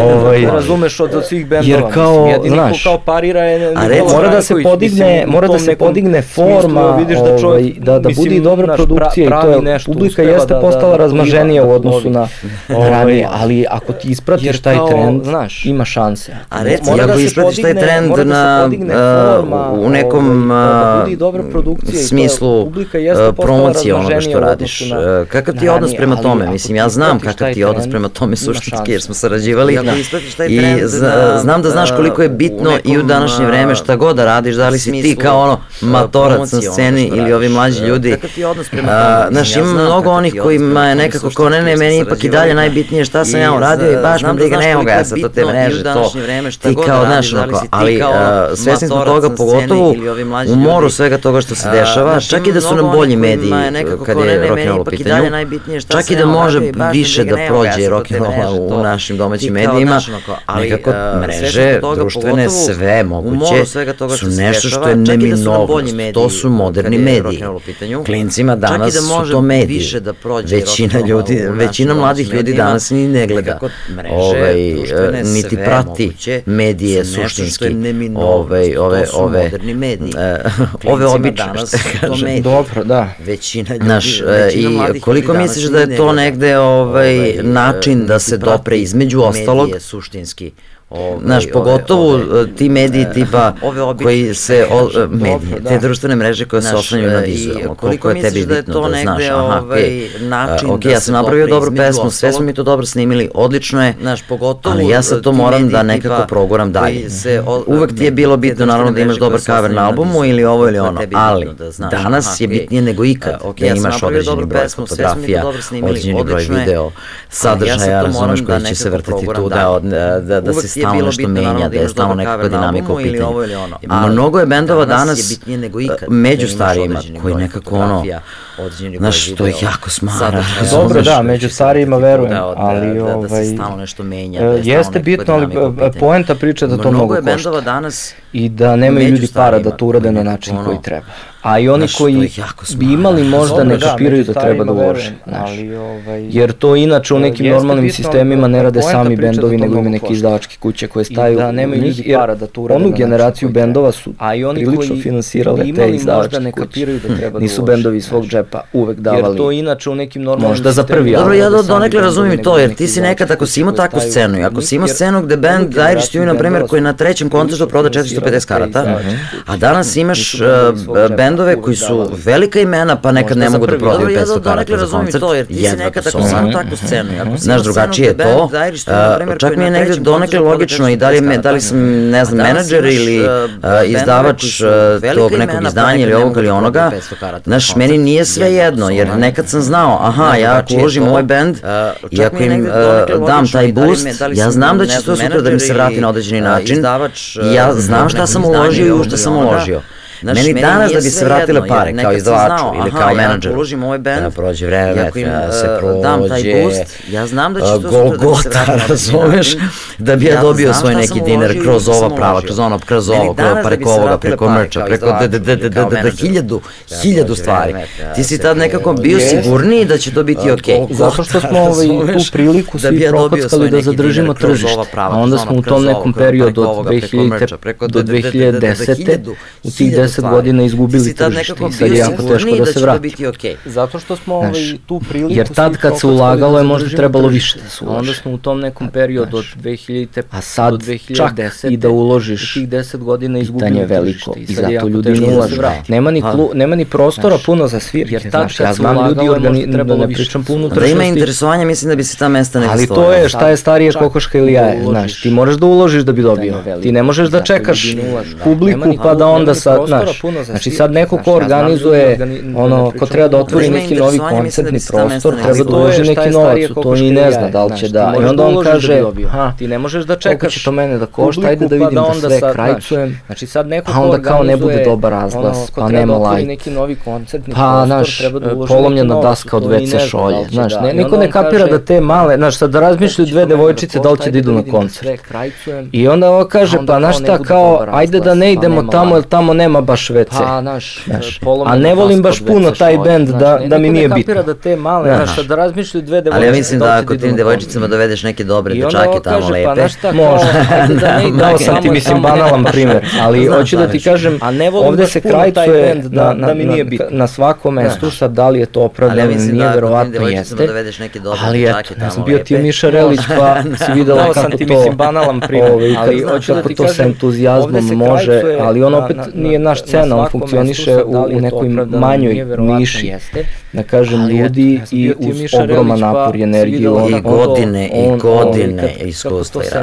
A ovaj, ti moraš da imaš ono, funkcioniše u, u 20 Miša Relića u ovom trenutku, da, u svakoj ono, žanrovskoj godine, od niši da bi to moglo da funkcioniše, a ne. A ovaj, ti moraš da imaš... Ajde recite meni, pošto uh, ono već si se izjasnio kao neko ko poštuje i druge žanrove, naravno i muziku negde po kvalitetu svrstava ovaj, na ovu ili na ovu stranu. Uh, uh, I sad pričamo o toj sceni, pričamo o tome šta ti mladi ljudi slušaju. Jedan dobar deo mladih uh, sluša te neke nove pravce uh, koji su tu recimo, ajde sad imamo tu neku, taj neki trep koji u stvari, uh, ja koliko sam uspela da shvatim kao neko ovako u ovim godinama, taj trep s jedne strane ide na ovu polunarodnjačku varijantu, a s jedne strane taj trep zapravo jeste neka vrsta u stvari nabuđenog repa. I tu imaš neke zapravo repere koji, što najgore, neki od njih zaista jako lepo rade to što rade. To jeste neka vrsta opet bunta, znaš, e, došla iz To hoću ti kažem, ne, pošto poznajem sticam okolnosti ljude koji rade sa nekim od njih, hajde sad da ne navodim ni imena, mislim da ne bude sad tu ovaj je do bolji, ovaj je loši ili ovo ili ono. E, to hoću ti kažem. Gde taj čovek izjavio, pa neki od njih su veći pankiri od pankira, a on je pankir ceo život i zna ceo taj svet naš. I zaista, i to što oni rade, to što se sad nekima od nas žanrovski to nekako muzički nije ono, taj čovek ne ide nam uz, pa uz krvnu sliku, to je druga priča. Ja hoću samo da kažem da postoji sad opet taj, ta neka strana koja, jel, misliš da možda taj neki deo scene, scene, može da od tih mladih ljudi ono, izvuče nešto što je iz naših generacija izvlačio rock'n'roll. I da to bude neka vrsta taj neki deo Jer scene. I mi smo imali scene, rep kad smo da, bili, i mi smo imali te da neke podvrste repa u krajnjoj liniji kad smo ovaj, bili mlađi. Pa teško je, znaš šta, teško je pitanje, mislim, I da to bude neka vrsta... Možda i može. Jer, Možda i može, ali ono što mogu da ti kažem za tu scenu koju nisam odmah ono, toliko upućen, repa u ali i glavna stvar, ono gde se u pa stvari ti mladi ljudi prepoznaju, što zapravo oni pevaju u svojim tekstovima tim mladim ljudima. Možda i može, ali ono što mogu da ti kažem za tu znači, scenu koju nisam odmah ono, toliko upućen. Koje njih zanimaju. Koje njih zanimaju, koje su tema današnjice, upakovane u formu trap muzike. Ali kada bi se iste te teme obradile na rock and roll način, možda bi rock and roll postao... Koje njih zanima. Ti ne misliš da ti neki silni autotunovi način, mislim, pošto sam ja recimo jedan, kažem, ja tu trap scenu nekako gledam vrlo ovaj, podeljeno u moje glavi. Jer postoje tu, ja sam sve vremeno imala situaciju, čak mislim da sam je pominjala ovde da sam onako menjujući programe, se zaustavila na određenom kanalu, koji se sad bavi tim modernim ovaj, ovaj podeljeno vrstama svega. Jer postoje tu, uh, I ja kao bila neka lista ja sam sad rekao, dobro, ok, ajde da ne bude ja sad programe, selim po nečemu što kanalu, nisam ni proverila šta je, ajde da odgledam ja to, da vidim, Znaš, možda ja to ne, ne kapiram. Jer i sam si rekao 90-ih svašta smo slušali, mislim. Dobro, okay, ja sam slušala i tek je 12 sati i strane i domaće i ove i one. Imali smo sve to negde u glavi i kažem, mislim i to je isti Jer i sam si da se ne izražavam koji je ovo, negde kad pogledam, ja mislim ja. Ali to, znaš, ono, imao si te neke hitiće, nešto ti je to prolazilo kroz glavu i okej, ajde, ovo su sad hitići za ovu generaciju, dobro, ajde da oslušam.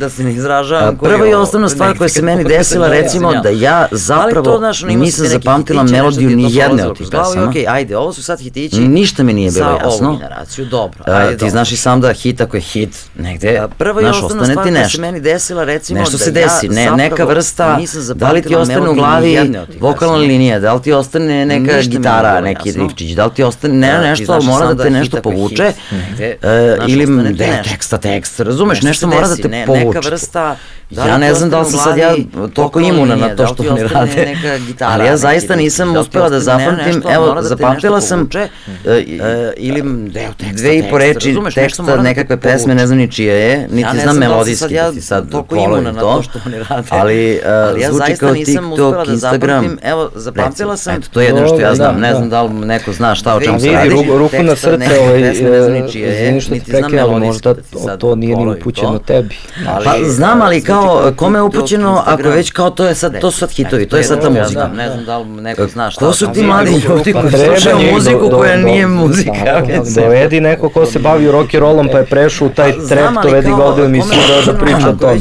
Slušaj, ja kad dovedem sledeći put nekog trepera ovde, pa kad nam objasnim svima za slušaju muziku koja nije muzika. Mi ćemo kao fazonu. Dovedi neko ko se bavi rock and rollom pa je prešao u taj trep. Ovo je bilo kao, što smo radili backstage pa smo radili. Ja kad dovedem sledeći put nekog trepera to je ta neka, pa me, meni je interesantan ta recimo nekoliko tih mladih bendova gde su Bučke Acid ono i, i, i drama. Ništa, oni imaju melodije, oni imaju muziku, što smo radili, I, I za njih su mnogi, sam čuo neke mnoge negativne komentare iz te neke rock and roll ono branše, po meni potpuno neopravdano, jer mislim da su oni privukli tu, tu mladu publiku i da iz toga može da si izrodi neki, neki novi pokret. Ja evo prvo recimo, ne sporim, ne sporim značaj, recimo, grupe Bush Cassidy i volela bih da ih ugostimo u nekom momentu, zaista, zašto želim da pričam s tim mladim ljudima, zato što me zanima na koji način oni razmišljaju.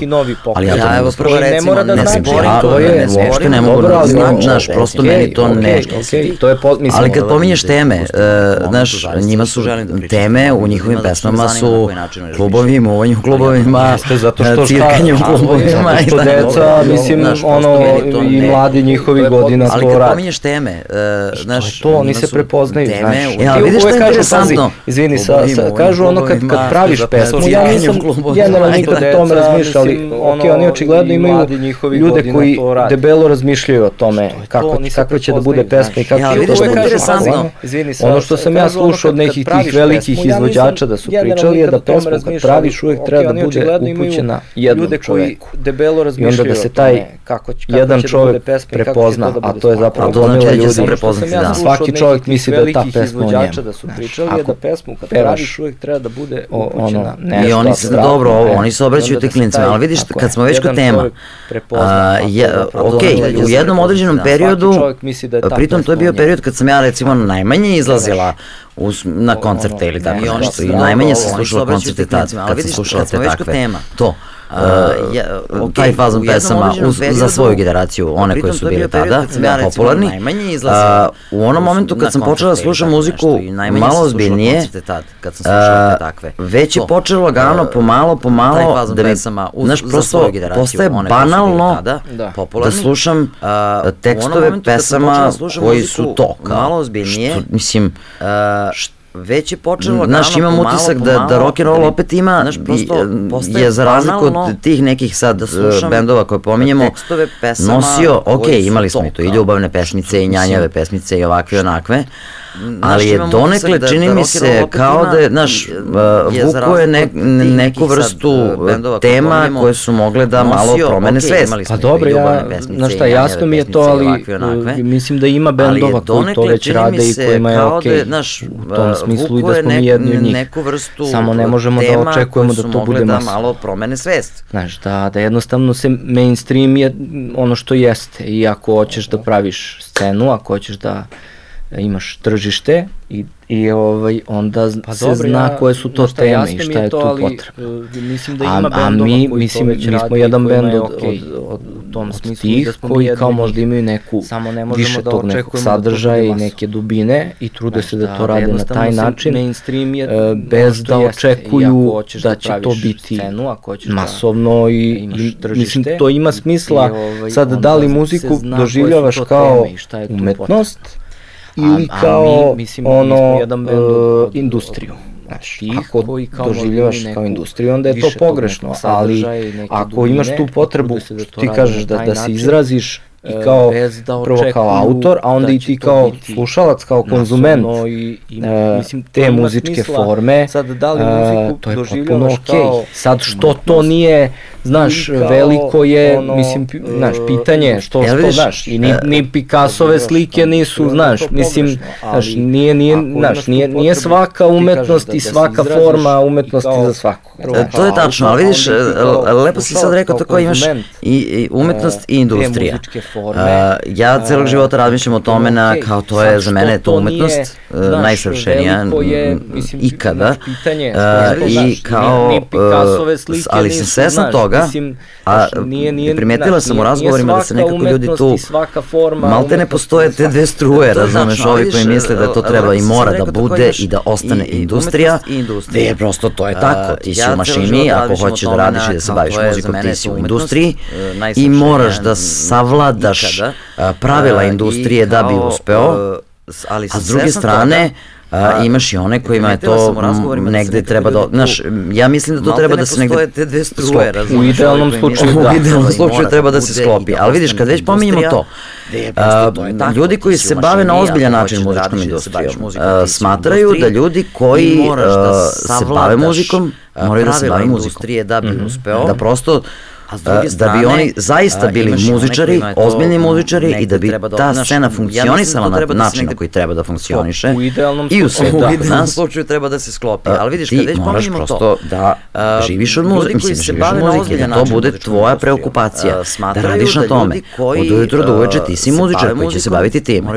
I baš kad smo pričali o tome što čemu ćemo u ovoj emisiji da, da, da pričamo, kad smo pomenuli i tvoj posao koji radiš i firmu firmu privatnu koju imaš već neko vreme uh, koja nikakve veze s muzikom da, nema. Živiš od muzike, mislim, živiš od muzike, da to bude tvoja Ti imaš svoj dnevni posao. Da radiš na tome. Imaš svoju dnevnu priču koja je jedna. Koji će se baviti S druge strane, I baš kad smo pričali o tome o čemu ćemo tebi, u ovoj misli sad bi da- neko da, da, onako, pričamo, uh, oni gledaju, o to ti je hobi. Tvoj posao I muzika ne treba da bude hobi. firmu, pa i nije, zapravo. već neko vreme. Pa zavisi, da, da sad si onako otvorila si četiri teme odjednom. Ali dobro, sve su vezane za, za da, da, ali ovaj, da, samo, samo gledamo je. dakle da, da počnem da ti odgovaram. Muzika A, je tebi, misli ovaj, sad neko... Uh, vidi, onako, uh, za, što se tiče ljudi što kažu kao muzika, da, pitanje je samo, znači kojim god Pa i Ajde, nije. da ne kažemo Zapravo. posao, profesija ili zavisi, delatnost. Da, da, sad Kojom god delatnošću da se baviš. si četiri teme od jednog. Tako zvuči. Mora da postoji, mora da postoji da, da, na neki samo, način samo gledamo dakle da, da počnem da ti odgovorim. Osim da budeš revolucionaran, pa da ovaj, izmisliš vidi, nešto što ne postoji. Da napraviš tržište. Ali u deve, tak, da, što da, onako, samo, ok, god, možda je neko ajde, tog ovaj, kapaciteta, to se ra, jako redko dešava, god ali trenutno ovaj, za nešto čime bi se da bavio mora da postoji mora da postoji i ti ljudi koji žive od muzike ovde, osim e, oni, oni nemaju jedan autorski bend i ne prave svoje pesme, i nego se bave nekom drugom vrstom. Možda. Možda da nema autorski bendova ovde kod nas koji zarađuju, makar stariji. Ima, ne, ne, ima, ovaj, ali je ta zar, mislim, evo, ja mogu da ti kažem i na svom primjeru, ovaj, doći ćemo i do, do verovatno te priče i dela mog sviranja i karijere e, sa bendom Orthodox Celts. Oni nemaju jedan autorski bend i ja sam sa, sa Irish Stewom i, i bend Orthodox Celts, znači paralelno sa, sa dva benda. Da nema autorski bendova ovde kod nas koji zarađuju, makar stariji. Živeo sam, ovaj, ali je ta zar, mislim evo ja mogu da kažem na svom stan primeru, u Beogradu ovaj, manji, znači ne ni do, luksuzan, ne ni neki ono i karijere najgori, pristojan, ja od toga, ja od muzike sa, nisam, mo, kad kažem od muzike, mislim od bendu, sviranja u znači, bendu, sa, nisam sa mogao, dva benda, dva benda od kojih je jedan realno sam, na ovoj rock and roll sceni sigurno u, u top 10 po, po, znači, po aktivnosti i verovatno i... U krajnjoj liniji i oni i članovi tog benda. I verovatno i po zaradi. Ja, sa, ja sa tim, da kažem, prihodima nisam mogao da pokrijem ni blizu blizu svoje osnovne životne troškove. Pazi, osnovne. Od kojih je jedan ne, realno uh, na ovoj luksuz, luksuz i neki u top 10. Znači, uh, o, ti ljudi koji žive od muzike vrlo treba dobro da definišemo šta je to muzika. i po zaradi. To jest, koja je to delatnost muzička kojom se oni bave. Jer kao kad kaže živiš od muzike, to je sad ni blizu svoje osnovne. Ja, znaš, ne kažem, bio je recimo kod tebe Kiza Zoranović, koji ovaj, luksuz i neki... E, je, je, znači, jedan drugi vid e, muzičara koji svira sa mnoštvom bendova, neke velike koncerte i tako da dalje. šta je to e, Svira, neki ljudi sviraju obrade pesama, našli su tu, tu, znači to su sve, to su sve različita tržišta. Ja, to ne može da se poredi na taj način. Znaš, ja ovo kad pričam, pričam iz ovaj, perspektive ono autora i autorske muzike, jer je taj, taj umetnički deo meni važan koncerte i tako da. A kao delatnost, e, pa, svira, znaš, kao najbolji svirači sviraju svadbe, obrade jer ti nemaš 40 znači, koncertnih, 50 prostora u Srbiji, a imaš da 400 ili 500 prostora način, za svadbe ja svakog dana, svakog vikenda i stalno treba neki bend. Autora I ko recimo svira sva, ja znam ljude koji se time bave, žive od muzike a kao delatnost, pa, znači da može u, u tom smislu, ali ne možemo mi, samo ne možemo mi da se poredimo. To je, to je, imam utisak da se često porede babe i žabe. A imaš 400 nebitno ko je baba, ko je žaba. Oj, ali, svakog vikenda i stalno znaš, treba to je, to je, to je, suš, to je suština, da svi ljudi koji kažu da mogu da žive od muzike, onda samo treba bolje da definišu šta je znači, to, da a ja mogu da tvrdim slobodno da niko ne, mi, samo ne, ne živi od da muzike ako je ta to muzika je, autorski bend da se često e, poredi koji, koji znači ko podrazumeva tako je autorski rad, pa čak i da nije u rock and roll, ali, ali a vidiš, ja imam još jednu drugu, mislim teoriju, nije teorija nego prosto moj način razmišljanja, a nije ni samo moj. Da ja čak negde neće se sad ovaj naš šef složiti sa mnom.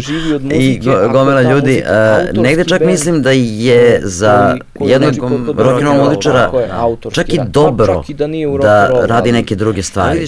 Zato što mu to onda daje slobodu, jer ti kad se baviš muzikom kojom, s kojom treba da, od koje treba da zaradiš, ti negde si, ja čak, uh, negde moraš da budeš spreman na kompromise. Ovaj, I u tom autorskom radu nekako je prosto logično ljudi, da e, donekle juriš trendove, da li u produkcijskom smislu, u smislu tekstova, u smislu dobro, gomile nekih stvari, pa i u krajnjoj liniji nekog imidža na bini ili čega god da razumeš, osim ako ti to tako nije prirodno, da si prosto neko takav. I moraš negde da napraviš kompromise da bi to moglo da uspe i da bi ti od toga mogao da živiš, da bi imao određeni broj svirki da godišnje, jer činjenica da kao, jel te, publika prosto određene gomile hitove prepoznaje na određeni način i to je to. Ti ako si neko ko živi od drugih stvari, a muzika ti je ljubav, neću da kažem hobi jer je to meni najvratnija stvar na svetu kad se kaže neko tebi muzika hobi, pa nije to hobi. Hobi je kad sedneš da živiš, da bi imao određeni broj svirki Sklapaš aviončiće, mislim, ovo je druga stvar. Publika prosto određene... Ti imaš slobodu da u toj muzici koju radiš, u toj umetnosti koja izlazi iz tebe, ti budeš najiskreniji moguće. živi od drugih stvari. I da bukvalno te ne zanima da li ćete slušati 100 ili 10.000 ljudi. Naravno da ćeš želeti da te sluša 10.000 ljudi. Ali nekako, znaš, znaš da si to što si iznedrio, što si izbacio iz sebe, da je to tvoje. Šta god to bilo, da li to da u toj narodnjak, radiš, ili je to rock and roll, ili je to ne znam ja šta, ali samo ga napravi iskreno, onako kako je tebi odavde izašlo, da li što kažem, iz jezgra. I kao ako, ako je to tako, onda si ti srećan kad se baviš muzikom i onda je to dobro za tu muziku. nekako, slažem se potpuno znaš da si to što si iznedrio, što si izbacio iz sebe, da je to ovaj, tvoje. To, to se svodi, a to negde imaš kad, narodnjak, ili je to rock and roll, ili je to ne znam ja šta, ali samo ga napravi shvatiš kako sve to funkcioniše i šta sve prolazi i kak, šta se sve dešavalo. I ovaj, kao ako, ako je to tako, onda si ti srećan nekako, kad se baviš muzikom i onda bude, je to dobro za tu muziku. Budu jasne stvari Slažem i meni je iskreno i drago što, što imam uh, neki posao od koga ovaj, zapravo živim. To, to se svodi, ovaj, da, da ta muzika može da bude beskompromisna ovaj, na, na taj način i onda ovaj, shvatiš kako druge, to funkcioniše. Jer s jedne strane imam veliko poštovanje za ljude koji ovaj, e, se bave muzikom, pa možda imaju nekako, neki bend, ali pored toga ra, svi, isto su u muzici, ali, ali malo možda sviraju, Naravno, pa možda malo sviraju i svadbe, a možda malo i prodaju instrumente, ovaj, da, da a možda malo i ne znam, uh, naš, ovaj, upadnu da, da uskoče, da odsviraju ovaj ili onaj instrument, ovoj ili onoj zvezdi, koja nije baš rock and roll. E, ali vidiš, to, to, me baš zanima, pa pitam različite ljude i to moram da te prekinem. Ja recimo, ali, kad, ali kad, malo možda kad je to u pitanju, pa pošto svakako ovde da bi se bavio svojom autorskom muzikom i da od toga živiš, to je to samo nekima možda pođe za ruku. To je nemoguće. Da uskoče, da ja verujem da nekima tu i tamo na sceni pop rock, bla bla bla, može kao da pođe za rukom, ali ajde, okej, da ne ulazimo to. Da li, da li je tebi, pošto meni je recimo mnogo draža varijanta u kojoj ću se ja baviti, ne znam, sklapanjem telefona ili nošenjem džakova ili kopanjem kukuruza. To je nemoguće. Uh, a da mi ja muzika da bude samo tu i tamo na sceni, moja autorska, moja priča, može da nego što bih recimo, ne znam, pevala po cover bendovima, ovde, onde, da ronjaci, bla, bla, bla, bla, bla, da bi mogla da kažem, eto, ja živim od muzike. Mnogo draža varijanta. Ja sam pevala cover, znam šta je. I pritom sam pevala rock and roll cover, ja verujem da do dana današnjeg ne mogu ni da čujem više to, ja poslušam i kao, Uh, ali ti ljudi žao, znaš, meni je to, to mi je veće prodavanje sebe, ovaj... Meni je, vidi, iskren da budem, da, da ne bude, da me neko pogrešno shvati, meni je okej okay jedno i drugo. Bitno je samo šta ti voliš i potpuno mi je okej da ti guraš svoju priču. A ti lično, očigledno si izabrao ovu moju varijantu. Da, ja, ne, ja volim da radim ono što volim.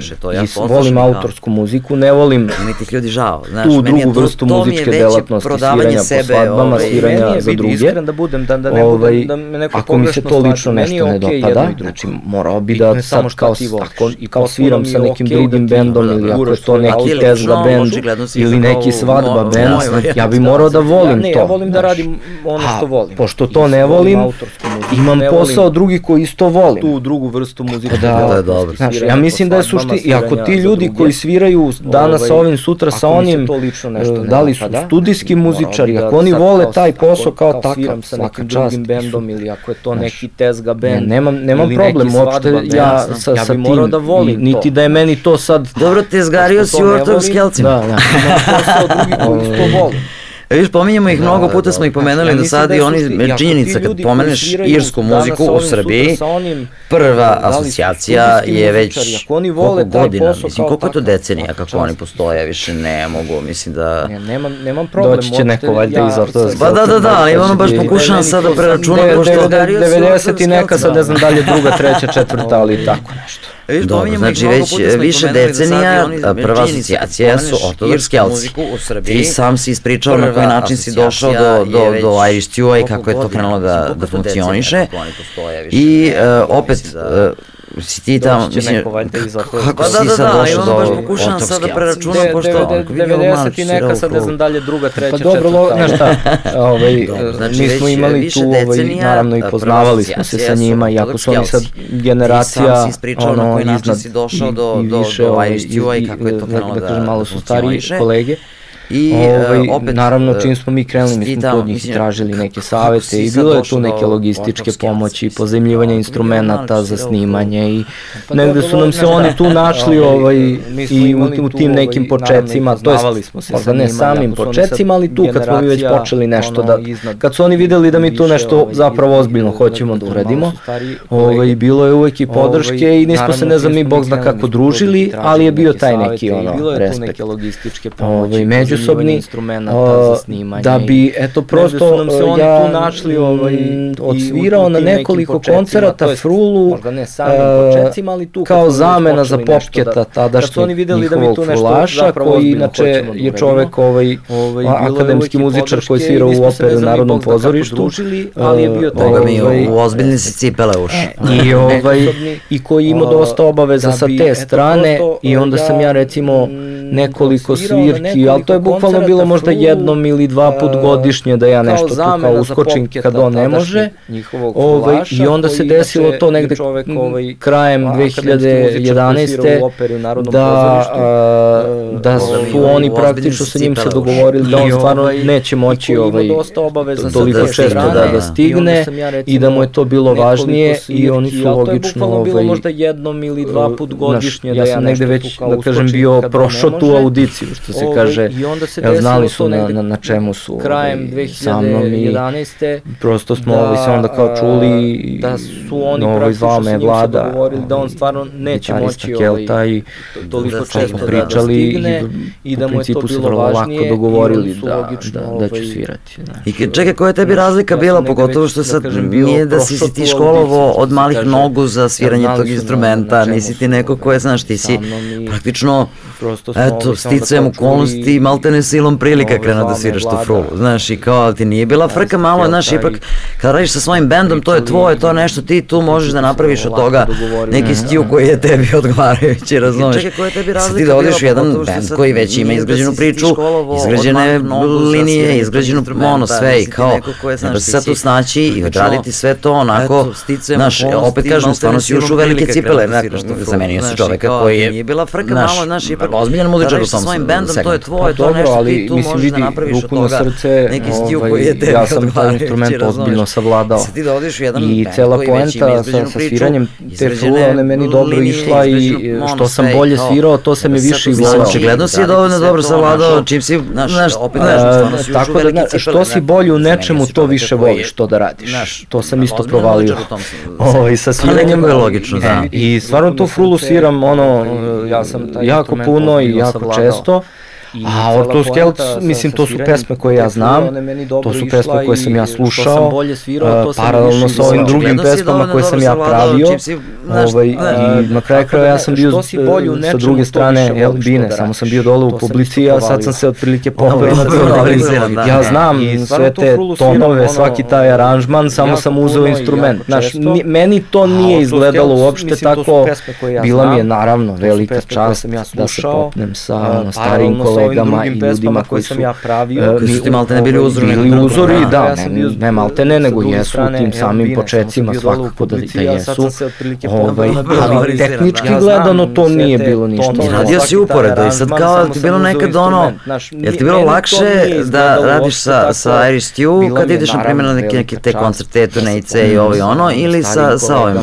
Jer ovde ne, realno ne, lakše, lakše mi mnogo bilo sa, da, da sviram, iskreno, zato zato što ovaj, je manje odgovornost. Pričamo ono o ovaj, futbalu i timskom radu i to. Moj uloga u Ortovskelcima je bila da sviram full. Levo krilo. u Irish Stew sam i ono, frontman, gde kao imaš i odnos sa publikom i odnos sa ljudima, organizacijom, pre, posle, menadžeri, ovo si, ovo si. U Irish Stew i sviram frulu i poluorganizujem stvari i tehnički i logistički i sve. U Keltima je to ovaj, radio Lale.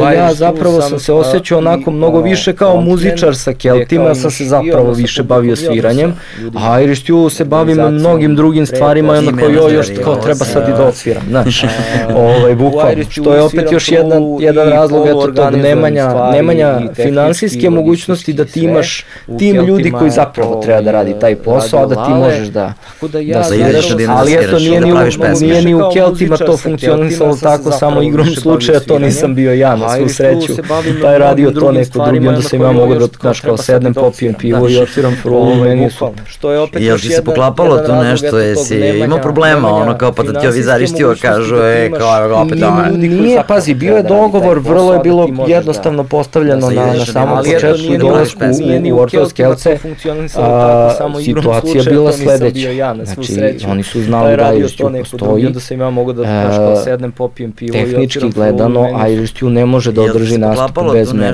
Ortodoks Kelcima.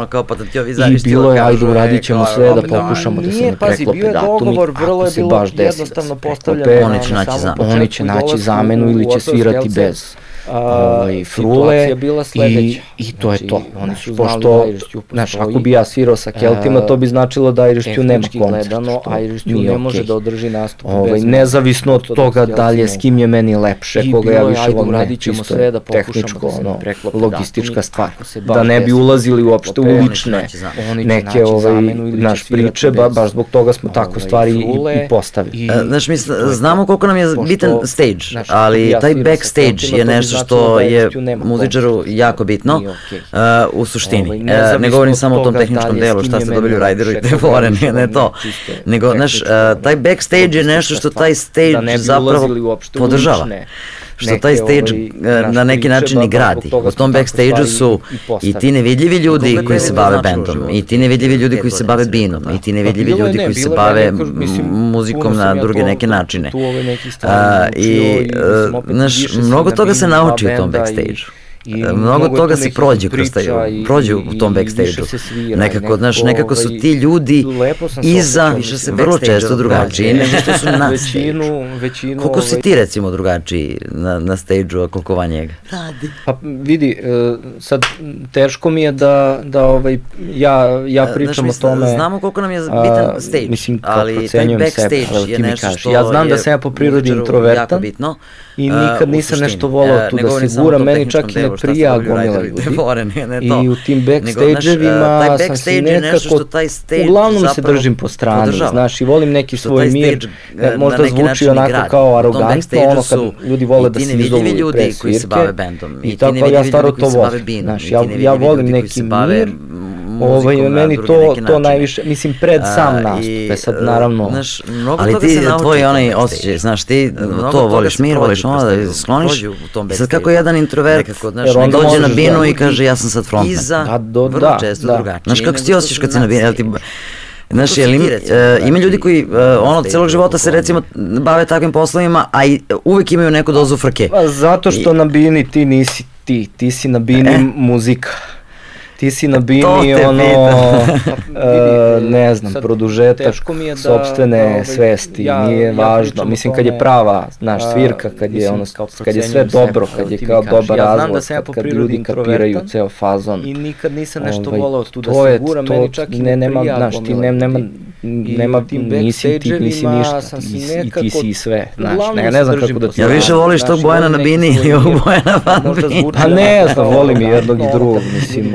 Gotivni su obojica. I tako, ja stvarno znaš, onda nekako, dok si, dok si ovaj van, ovaj, van bine, onda si, znaš, nekako se spremaš, sve sad drugar, nek, nek, Ali ti, tvoj onaj osjećaj, nekako brineš da sve to bude do okej, da bi zapravo mogao na, na, na toj bini da Jer onda dođe na binu i kaže ja sam da, sad da, da zapravo da, ono kao da. nemaš kočnice nikakve na, ti, na toj bini jer je onda samo je dobar koncept kad, kad ono celog života se recimo pust, bave takvim poslovima a i uvek imaju neku dozu frke znaš zato što na bini ti nisi ti ti si na bini show time a reci ti meni ovaj znaš svaka svaki koncert svaka svirka podrazumeva i to i putovanje i spavanje ovde ili onde ili znaš i sad bio si sa ortodoksima i sa svojim bendom ovde ili onde. Znaš, koliko ti je to zanimljivo, koliko ti je naporno zapravo da se baviš svim tim drugim logističkim ono, stvarima i ta putovanja. Skoro sam pričala s jednim uvišem koji kaže, ne mogu ja to više to da sviram i to da putujem. Ja rekao, ne, ne, ti samo ne možeš da putuješ više, ovaj, ali svirka ti ne smeta. A ume da bude i zabavno, ume da bude i naporno i stvarno zavisi od okolnosti, znaš. U, u, u Keltima u to vreme je, je tonac E, tonac bio Nidža Vranjković brineš da sve to bude i, okay, da bi i vozio je Đuro Jajić i onda kad imaš da- Vranjkovića u kombiju da i Đuru da, onda da, to obično bude ono potpuni spektakl a može bude potpuni debakl. Znači sve zavisi od, od raspoloženja. Od raspoloženja da i ume da bude užasno zanimljivo i da, ovaj, da, da, da nekako prođe tih nekoliko sati u kombiju jako brzo i zabavno ovaj, a nekad i prosto tako nije, nije, nije dan svaka svirka podrazumeva i to pa, i putovanje i spavanje. Ali jel voliš to? Jel, znaš, mislim, uh, dobro, sad su takve okolnosti da prosto nema tu nešto mnogo svirki, putovanja, ovoga, onoga, ali uh, jel ti fali taj moment. Koliko ti je naporno. Mislim, znam da ti fali bina, to nema šta, svima fali, naravno, i nećemo se sad ni oslanjati mnogo na tu priču, biće, neće biti, hoće, šta će, ali koliko ti fali, tebi kao tebi, koliko ti fali taj, taj moment, ono, ti svirki odlazaka sa svojim bendom ovdje ili on te putovanja. naporno i stvarno zavisi Organizovanja, cimanja. Jo, organizovanje i cimanje mi ne fali uopšte. To nas bio Niđo Vranković. Mislim, ne znam, fali mi. Da više sam i, znaš, toliko je vremena sad prošlo u ovom, ono, i Đuru, onda pandemija period. Već si se navikao. Da više, da, ne, mislim, znaš, ja sviram, stvarno sviram kući puno. I, ovaj, i sad sa bendom radimo da, neke nove takve stvari i to. Ovaj, ovaj, malo smo se više fokusirali na da, da, da ovaj, onako se pripremamo, znaš, kao koristimo, ja opet vraćam se na futbol, znaš, sad ima pripremni period pred sezonu, samo što ne znaš kada će ta sezona krenuti, ali, voliš to, ali nema veze, ti produžeš taj pripremi, smo se da prosto pripremili i više nego što treba. ovoga onoga, ali ne znam, ne, nije, kažem, dopunio sam to nekim drugim, nekim drugim stvarima, ovaj, postao sam i, i otac. Tato među vremena, vodiš decu po Kragujevcu tamo, i da, fali tebe. Tako da nekad se da sviralo, sad idemo da šetamo, slušamo. Ispunjeno mi je neko vreme u drugom nekom smislu, ovaj, jo, organizovanje i, ne, i Ali dobro, zafalić je ovaj muzički deo onako zbiljni, ali do, nadamo se da neće toliko zafaliti da već kažeš, e sad kao, aaa. sad prošlo da, da, ali mislim naravno da taj deo, da kažem, pandemija. Ali dobro, ti sviraš instrument koji može da ponese svuda. Ne, mislim, znaš, ja sviram, I poneo si ga svuda. Puno. Ja sam rekla, vidi ovako, ovaj, mislim, e, postoje neki instrumenti, tipa klavijature, koje su meni jasne. Sad ti vidiš, ovde ton taj, ovde ton taj, ideš i među vremenu imaš ovo i ono i to je to. Gitara mi, na primjer, nikad nije bila jasna, nikad ja to, koliko god su mi objašnjavali svi mogući gitaristi, ali ne sad to fru. Gde je tu do re mi fa sola si do? Ajde sad ti meni objasni. Da, evo, pa ćemo ovaj, vidjeti. Ti si mi rekla da, ne znam, da ne, da nije, kažem, da dopunio sam to nekim da, drugim, da pokažem, nekim da. drugim stvarima. Ovaj, a ja sam, pošto se ugostio ne ide bez poklona, ovaj, tebi, vodiš decu po Kragujevcu. Ja mogu sad da učim da sviram. Nekad se da, sviralo. To je, jo, ovaj, čekaj, ali ove rupe nisu iste. Nisu, da. Ja sam imala frulu sa, sa istim veličinama rupe vidi ovako. A to je ovaj to je onda ona Tutoriova block flow. Ali do, nadamo se da neće pa, to toliko zapaliti da već kaže e sad kao. E, tako da to, to ti je ovo znam, da, ovo jedino znam. Mislim naravno da taj deo da kažem Ali dobro, ti sviraš instrument koji može da poneseš svuda. To ti je Šta to, sad, da. I poneo sam svuda. Vidi, pa ništa, znači i ja ideja ti je, vidi, ovaj, pošto je ovo frula D, e, recimo, postoje neki instrumenti, koji je neki standardni tonitet za, za virsku muziku, sad ti koristi i na, najčešće su. Znači kad su ti sve rupe zatvorene, to je nota D. Gitara mi, na primjer, nikad nije bila jasna. I onda dalje ideš po E skali E. svi mogući gitaristi.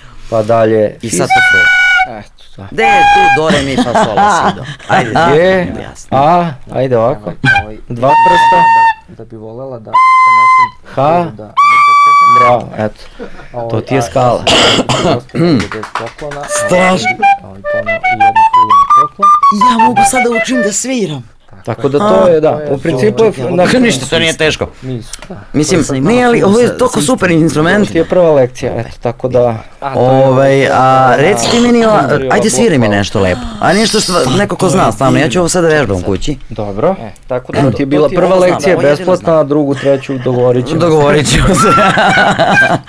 a, sviram prvo. Ovaj, pa ne znam, ajde ja, čekaj, aj sad reci ovako, kao meni nekome koji je apsolutni, ono, ono, ti sad dođeš nekom i objašnjavaš, aha, instrument, bla, bla, bla, bla, šta je bitno, znaš, nije to samo bitno, imaš tu te rupe i imaš skalu, na koji način ti sad to treba da duvaš, I onda dalje ideš po da, Ove, kako to, šta je to bitno? Pa kod pluća, kod ovoga, kod onoga, znaš što nije te ti uzmeš pa tako... A nije, da, mislim, gla, ok, naravno, znači mora da se poznaje, poznaje taj uh, prstored, jel? ono što je interesantno kod plule, mislim, u odnosu na to, klavijature i mm. gitaru koju si pomenula, je što ti dobijaš E, oktavu jačinom duvanja, a ne drugim... Tako da to je, da, u principu je... Znaš, to ti kažeš. Tako da ti, na primjer, da bi dobio nije, ali, ovo je viši super ton, instrument. duvaš jače, a da, da dobiješ da. niži ton a, reci ti meni, ajde sviri da mi nešto lepo. Ima tu, a nešto ima tu glavna stvar, ja sada vežbam. U stvari to nijansiranje i dinamika koju, koju, koju dobijaš Dogovorit ćemo se. I sva neka ta lepota je u, u, u, u ovaj, finesama. Pa ne znam, ajde nešto da. Ja, čekaj, aj sad reci ovako, kao meni nekome koji si ti ozbiljno posvetio. Viš s kakvim se pred znanjem dolazi u podcast. Ovaj, I ti si i koliko dnevno vežbaš? Sada koliko si vežba ranije? To me baš zanima. Sada više, sada mnogo više nego ranije, jer sad eto imam imam više vremena da kako to, da šta je to bitno? Kod pluća, kod ovoga, kod onoga, znaš što nije te ti uzmeš pa tako. Mislim, pošto je ovo vrlo specifičan zvuk koji je onako, znaš, ima... A ne, ili... A ne možeš da staviš ovaj na, na sluške, mislim. Ima par načina i da se ovaj... A ima? Da se utišaju. Zalepi se ovde jedna kao ili trakica ili ovaj plastelin pa se ono smanji taj zvuk. Ali dobro, ovaj buvanja, ne, e, ne, ne speta ili im se sviđa, znaš, zato što i to što vežbam, mislim, nije, nije baš ovaj ono... I poštoješ kućni red. A da, da, trudim se, tako da... Ovaj, Budiš dete ili uspavljaš dete s ovim? Pazi, uspavljivao se sa, sa ovaj, i prijam. I dinamika koju, koju, koju dobijaš. A dobro, sviram nešto la, laganije. Sva neka ta lepota je... Ja, pa to je lepo. Finesama, u stvari. Gospođa violinu svira ovaj, a ti da, frulu i onda dete ono posvetio. Viš ka, s kakvim se pred znanjem dolazi u podcast. Da. Ovaj, uh, i znači koliko sad, ili, koliko mislim, koliko je to vremenski? Sada, koliko si vežba ranije? Ne, na šta, sada koliko imam vremena, realno, sad zavisi, sad malo mi se dinamika... Koliko mora da se vežba dnevno da bi ti recimo, dobro, ako si početnik... Ako si početnik treba da se vežba više, mislim da bi došao do nekog nivoa, onda kad dođeš... Šta znači više? E, to, znaš, a zavi, to više znači da dođeš do tog nivoa, sad nekom, nekom treba pola sata dnevno, a nekom treba šest sati, zavisi koliko je talent. Znaš, ali stvarno, mislim, ne, ne znam. Pa znaš, ne, ne, Koliko si ti vežbao? Ti si bio jako talentovan, znači... A ne, ne, vežbao sam, mislim, onog što se tiče vežbanja, vežbanja možda sat, dva, tri, četiri. I poštoješ kućni red. Koliko sam imao vremena? Trudim se. Znaš, kad sam bio mlađi. Budiš dete ili uspavljaš dete s ovim. Ovaj, pazi, uspavljivao Sad vežbam koliko stignem, znaš, ali bitno je u stvari da ostaneš u kontinuitetu instrumenta. Znači da, i ako nemaš vremena, mislim, to je, sad pričam, kao, izmislio sam toplu vodu. Gospođa violinu svira, ovaj, a ti frulu i onda dete, ono kao... Trebalo bi da, ono, bolje je 5 minuta nego ovaj, ništa. I, znači, koliko sad, ili, mislim, koliko je to vremenski? Pošto smo ti ja došli i sad kao, znaš... Ne, šta, zavisi koliko imam vremena. Sad zavisi, sad malo mi se... Mora da se vežba dnevno da bi ti recimo dobro, ako si početnik... Ako si početnik, samo da nešto, znaš, malo da eto prođe i kao to ti prosto znači više. Eto, znaš, prstima. Zavi, jel ti draži kad si na bini da, da sviraš fulu ili da pevaš? Nekom, nekom treba pola sata dnevno, a nekom treba šest sata, zavisi lepo zavisi kad, ne, kad je, kad dobar ono razglas i kad su dobri tehnički uslovi, onda mi je znači, nekako lepo jedno i drugo, a kad su, kad su loši tehnički uslovi, onda mi je bolje da, da pevam, jer se onda obično frula ne čuje 对。Ovaj, u moni, monitoringu i onda mi nije ni bitno. Ovaj, A ovaj, kad se prave te neke vokalne linije i kad se prave linije za frulu, znaš, koliko tebi sad bude komplikovano znači nekada da napraviš, možda bi ti nekad, dobro, na snimku možeš to da uradiš tako, ali, znaš, ne možeš live da izvedeš i jedno i drugo, jel ti bude nekad krivo što ne možeš dok ide vokal i dok treba da ide vokal, koji je tvoj vokal, da, ovaj, da napraviš neku foru s frulu. Pa dobro, zato sam svirao sortova s kelcima da sam to mogao, da pratim vokal. A da pratiš vokal, pa ne ne ozbiljno, nego, znaš, sigurno ti se desilo da praviš pesme kao, Samo nešto, o što bi ovde bilo baš super da onako da, da može i folica da se čuje, jeste, znaš, kao jeste, Jeste, i onda, onda se tu, eto, na, na, na, na albumu, kad se, da kad se radi, onda se tu i snimi. A, onda tu mogu to da uradim. Ne znam. Kon, na koncertu to i nije suštinski, je, ono, ne bude suštinski ono važno, a super je što to sad studijski, onda mi je, ono, kad se snima može da, da, da se razdvoji, da to prosto kao... Ti baš voliš ovaj instrument i nekako kapiram da pratiš šta se dešava u, u tom svetu i, ovaj, i da nekako, a, mislim, a, da, muzika koju ti proizvodiš ovim instrumentom ovaj, je kad se prave te neke vokalne linije kad se prave recimo, ali mi imamo neke vrlo ozbiljne frulaše. Može biti nekad Dobro, na snimku znaš, možeš zato je to meni recimo interesantno. Ali, naš, naši kolaši sviraju naravno našu uh, tradicionalnu neku ne možeš, muziku. Uh, I ja sam imao ovde nekad neki uzori, neki ljude koji pišu, uf, ovaj da, je... Ovaj, da napraviš ono. neku foru skroll. Pa, pazi, ja ono, naravno kao znaš Boru Dugića, ovaj, kao jedno fantastično. Pa ne, ne, ozbiljno, nego znaš, sigurno ti se desilo da praviš pesme kao... po istom principu se sviraju, znači sad te irske frule imaju naše su obično drvene, a njihove su obično metalne, ali imaju i oni drvene e, i od drugih materijala i tako dalje, ali vrlo sličan zvuk, vrlo je sličan princip. ovaj, sviranja, sad samo Irci imaju jedan određen manir, da ne ulazim sad, ne znam, možda smaram ljude sa, sa nekim detaljima, e, Irci imaju određen način da korišćenja jezika, tih ukrasa koji su karakteristični, koji su kod nas malo drugačiji. Ti proizvodiš ovim instrumentom je irski folk. Pa sadržaja same melodije, ali, na kom mestu mi imamo neke vrlo ozbiljne folaše. I onda kad, kad se to sklopi, onda to bude irski zato manir, meni, recimo, a kad uriš na drugi način, onda to bude srpski manir. Ali našu je to, tradicionalnu neku muziku. Kako to se sjajno vidi. Da, gitaristi mogu da pričaju o pedalama i o žicama, možeš i ti da pričaš o tim stvarima, mislim, znaš, kao ono. A da se ložiš isto kod gitaristi kad kažu, u, ovaj, znaš, ovaj sam ono, kao imamo ovu gitaru, imamo ovu frulu, imamo onu frulu, jel imaš različite frule za različite svirke? Ima, da, frula je u stvari, ono, ona ima jednu tu znači, ono uh, diatonsku skalu, znači standardnu do re mi fa sola si do i sad ovaj u principu ti menjaš možeš da ograničen broj nota sviraš njom i onda imaš druge tonalitete koje ti trebaju tako da praktično ja imam mislim imam 50 frula ovaj raznih tonaliteta imaš najdražu raznih. Ne daješ im imena ko gitarist imam najdraža mi ona koju trenutno sviram i menjam ih. Ono kad mislim to kad vežbam kući na, na kon, za koncerte koristim. Ovi već ono 10-15 da, godina iste frule zato što je na koncertu u tim nekim rock uslovima uh, jako bitno da da je glasna frula pošto je ona generalno je tih tih instrument. ovaj i teško ga je ozvučiti na bini i uvek fali nekako e, snage mogu da pričaju o pedalama mikrofonije tako da ne znam da ti frula glasna nego da se ne znam kvalitetna tako da ja sviram te glasne samo ono ko imamo ovu gitaru imamo ovu frulu imamo ovu frulu i kvalitetne, ali eto, za, live. Da, da, imanje volim da biram ovaj, ona ima jednu tu, šta prija određeni pesmi. Aj sad sviri nešto irsko lepo, fino, što ovaj... Pa evo, da. I sad, Aj nešto što svi znamo. ti menjaš... Pa evo, na primjer, taj rock and roll Dublin u nekom tradicionalnom maniru. tonalitete koje ti treba, tako da praktično ja imam Mislim, imam 50 frula, ovaj, raznih. A imaš najdražu? Raznih. Ne daješ im imena, ko? Imam najdraža mi ona koju trenutno sviram i menjam ih ono, e, kad, mislim to kad vežbam kući, na, na kon, za koncerte koristim ovi već ono 10-15 godina iste frule zato što na koncertu u tim nekim rock uslovima e, jako bitno da, da je glasna frula, pošto ona generalno je tih, tih instrument ovaj, i teško ga je ozvučiti na bini uvek fali nekako snage, ovaj, onda dobijaš mikrofone. bravo, bravo, bravo, bravo. I evo vidiš, to je skroz mi je interesantno i čak pa imamo mi u, ovaj, u, igri jednog drugara koji se do duše našom tradicionalnom muzikom bavi i svira frulu i sjajan je i kao i pričat ću i sa njim na te teme, ali znaš, jel postoje, znaš, kako ti recimo sad dođeš nekom klincu i kažeš zašto je frula cool i zašto je tako nekako cool da, da, da uzme taj instrument u ruke i da nauči nešto s tim. Na primjer. Pa, pazi, frula je prvo u, u Irskoj, ona ti je ono entry level instrument, prvo što je zgodno da ono staviš u džep. Kod njih se na muzičkom kao uči frula, jer e, ta irska muzika se vrlo, vrlo lako, znači prvo se savladava na fruli, kod njih svi znaju da sviraju frulu zapravo, to je prvi instrument koji naučiš, ovaj, a onda kao ako hoćeš da sviraš druge instrumente, onda kao Idemo dalje. Ali da. kroz frulu ti učiš muziku u stvari.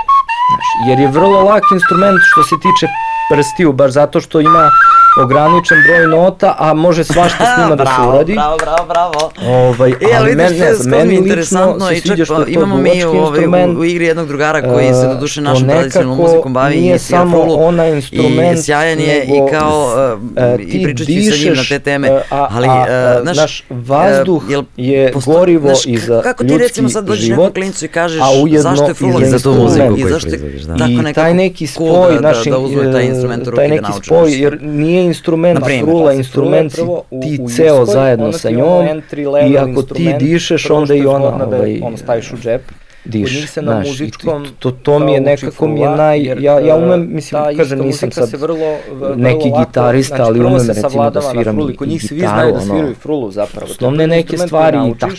Ovaj, ovaj, jednostavno mi je, prosto mi je najlepši da osjećaj ovaj, da sviram frulu, a možda i zato što je najbolje da, znam kad se vraćam ono što sam ti već rekao da što čovjek voli ono što dobro zna da, da, da, što si bolje u nečemu to, to više voliš. Ograničen broj nota, a može svašta s njima da se Mislim, pre, prešli smo dva sata priče, a čak mislim da, jel imamo teme neke koje smo hteli da pričamo, a nismo, ovaj, nismo prešli, ali da mislim da smo... Mislim da smo svašta rešli, da, da. Mislim da smo svašta nešto ispričali, da nismo dosadni. Možda ako hoćeš ovu neku priču iz backstage-a ili nešto. E, vidiš da, to, da, pomenuli smo backstage-e onako više u nekom teoretskom smislu, ali nismo konkretno pričali o ovaj, sigurno je to bilo raznoraznih nekih e, forica i dogodovštenica koje su ti bile onako...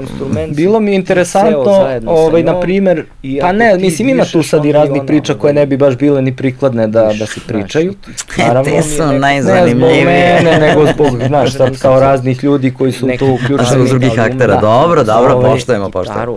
Meni je interesantna stvar bila uvek, to sad nije klasičan backstage, ali jeste ono što prati sve, a to je kad e, taj deo kad sam svirao sa Irish Tune i Ortova s Kelcima, pa kad se trudimo da se ne preklupe datumi i da ja zapravo budem na, na koncertu, na oba koncerta nekako i sad desilo se na primer, ne znam koja je to godina bila, prešli smo dva sata priče, a mislim da, jel imamo teme neke koje smo hteli da pričamo, a nismo... A Ortodoks Kelci sutradan uveče u St. Galenu u Švajcarskoj.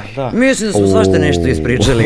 I, ovaj, i sad ti se uklopi. I, ovaj, I vidiš da to, da pomenuli smo backstage-eve onako više u nekom teoretskom smislu, ali nismo konkretno pričali, ovaj, sigurno to bilo raznoraznih nekih forica i dogodoštenica koje su ti bile onako...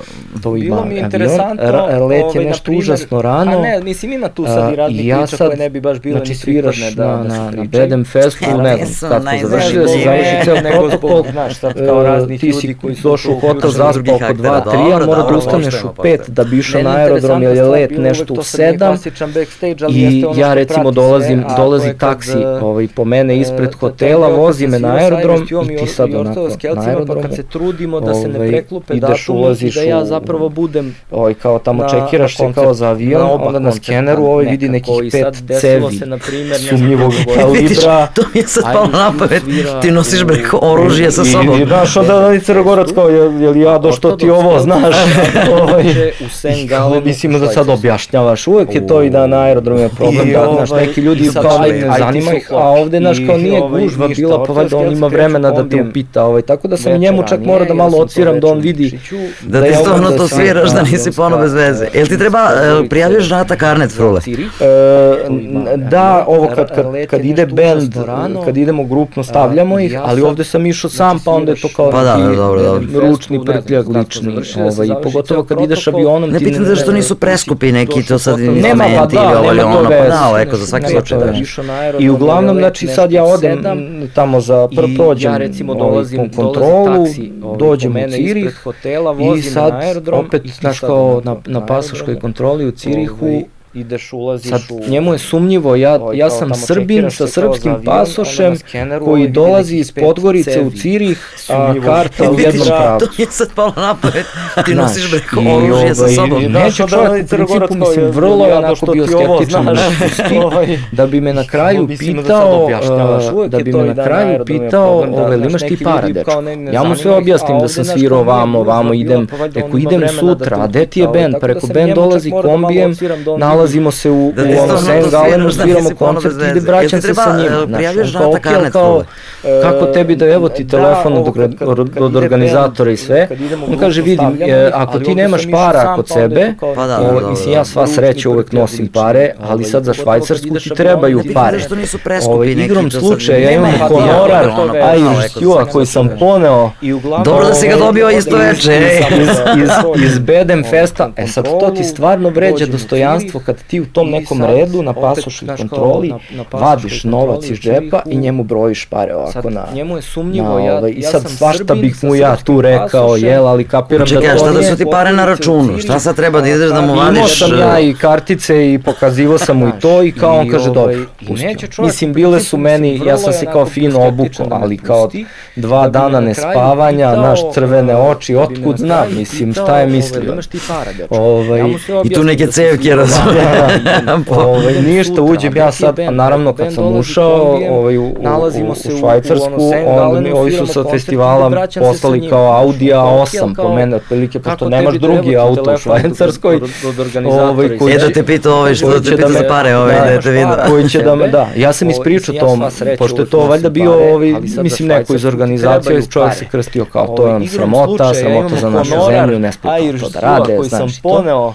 A Dobro da si ga dobio isto veče. Nisam ja izgledao ništa, nego njemu je valjda to bilo čudno. Ti baš izgledaš ko fin več. A, e, njemu je, ne, njima je verovatno čudno kad ti imaš kartu u, u, u, u jednom pravcu, nemaš povratnu avionsku kartu, ja sam se ja vraćao kombijem.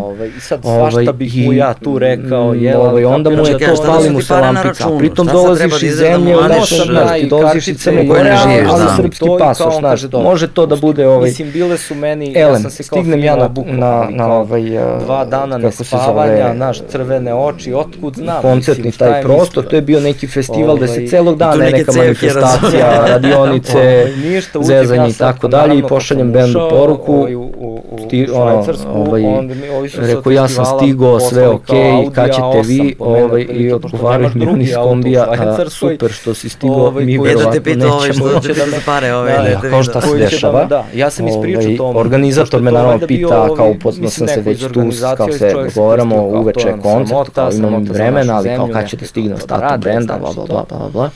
Ovaj, to je bio onaj deo kad je bio nalet migranata nekoliko dana, kad su švajcarci zatvorili granice. I sad ti imaš, ti imaš onog 10 km migranata i kombi ortodoks Celts. Znači nema teorije, nema teorije. I oni su u jednom trenutku skapirali u sred noći da treba da obiđu i da idu, ne znam, da obiđu Mađarsku na neki granični prelaz na koji će da ih puste. ali Mislim da se sećam te priče. Ali su izgubili ovaj, prilično veliki ono prilično veliki broj sati i bukvalno je naš javlja Lale kaže stižemo na koncert u 9 ako ne bude bilo problema na granicama i ako Dača bude teo da vozi kombi 180. Rekao ja sam I to se i desilo. Znači stvarno ono kombi je kao izdržao, kao ludilo, kao nekom ono brzinom ne neprimerenom za za kombi. Ovaj organizator da bi, da bi se koncert, ja sam sad naravno ceo dan sa organizatorima, šta će da se desi, proveravaj, ne znam, check listu, rajdere, A, ovaj, to je bio onaj deo kad je bio nalet migranata nekoliko dana, kad su švajcarci... Nema veze, sve u svemu, znači pripremimo mi sve tu da se koncert desi, neće biti tonske probe, ali nema vremena i počinje se kad band stigne. I band dolazi, ono, nema potpisuju kombijem, u koncertu recimo treba početi u 9, oni kao pola 10 ispadaju kolobenica otprilike i ovaj kao ajde popijemo. Je stiglo Ale do buče košuljice? Nisu, ne, bilo je kao, onda je bila jako dobra energija ali su oni stigli, znaš, i to je onda, ona, to, to kad kao udri brigu na veselje, znaš, su oni skapirali da su stigli, da će koncert da se desi i onda kao da, i kao da se popi jedno pivo, kao da se naštimo instrument i kao izlazimo. i sviramo i kao naravno fenomenalan koncert jer, eto, to je taj kao nekom ono, backstage.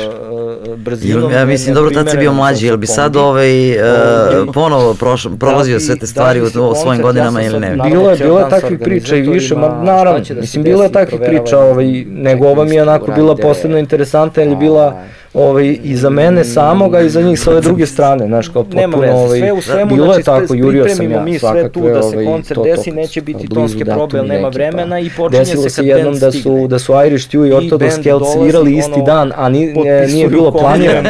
u koncert recimo treba To je isto bila interesantna stvar, znači, bila je neka... Znamo da nije u isto vreme.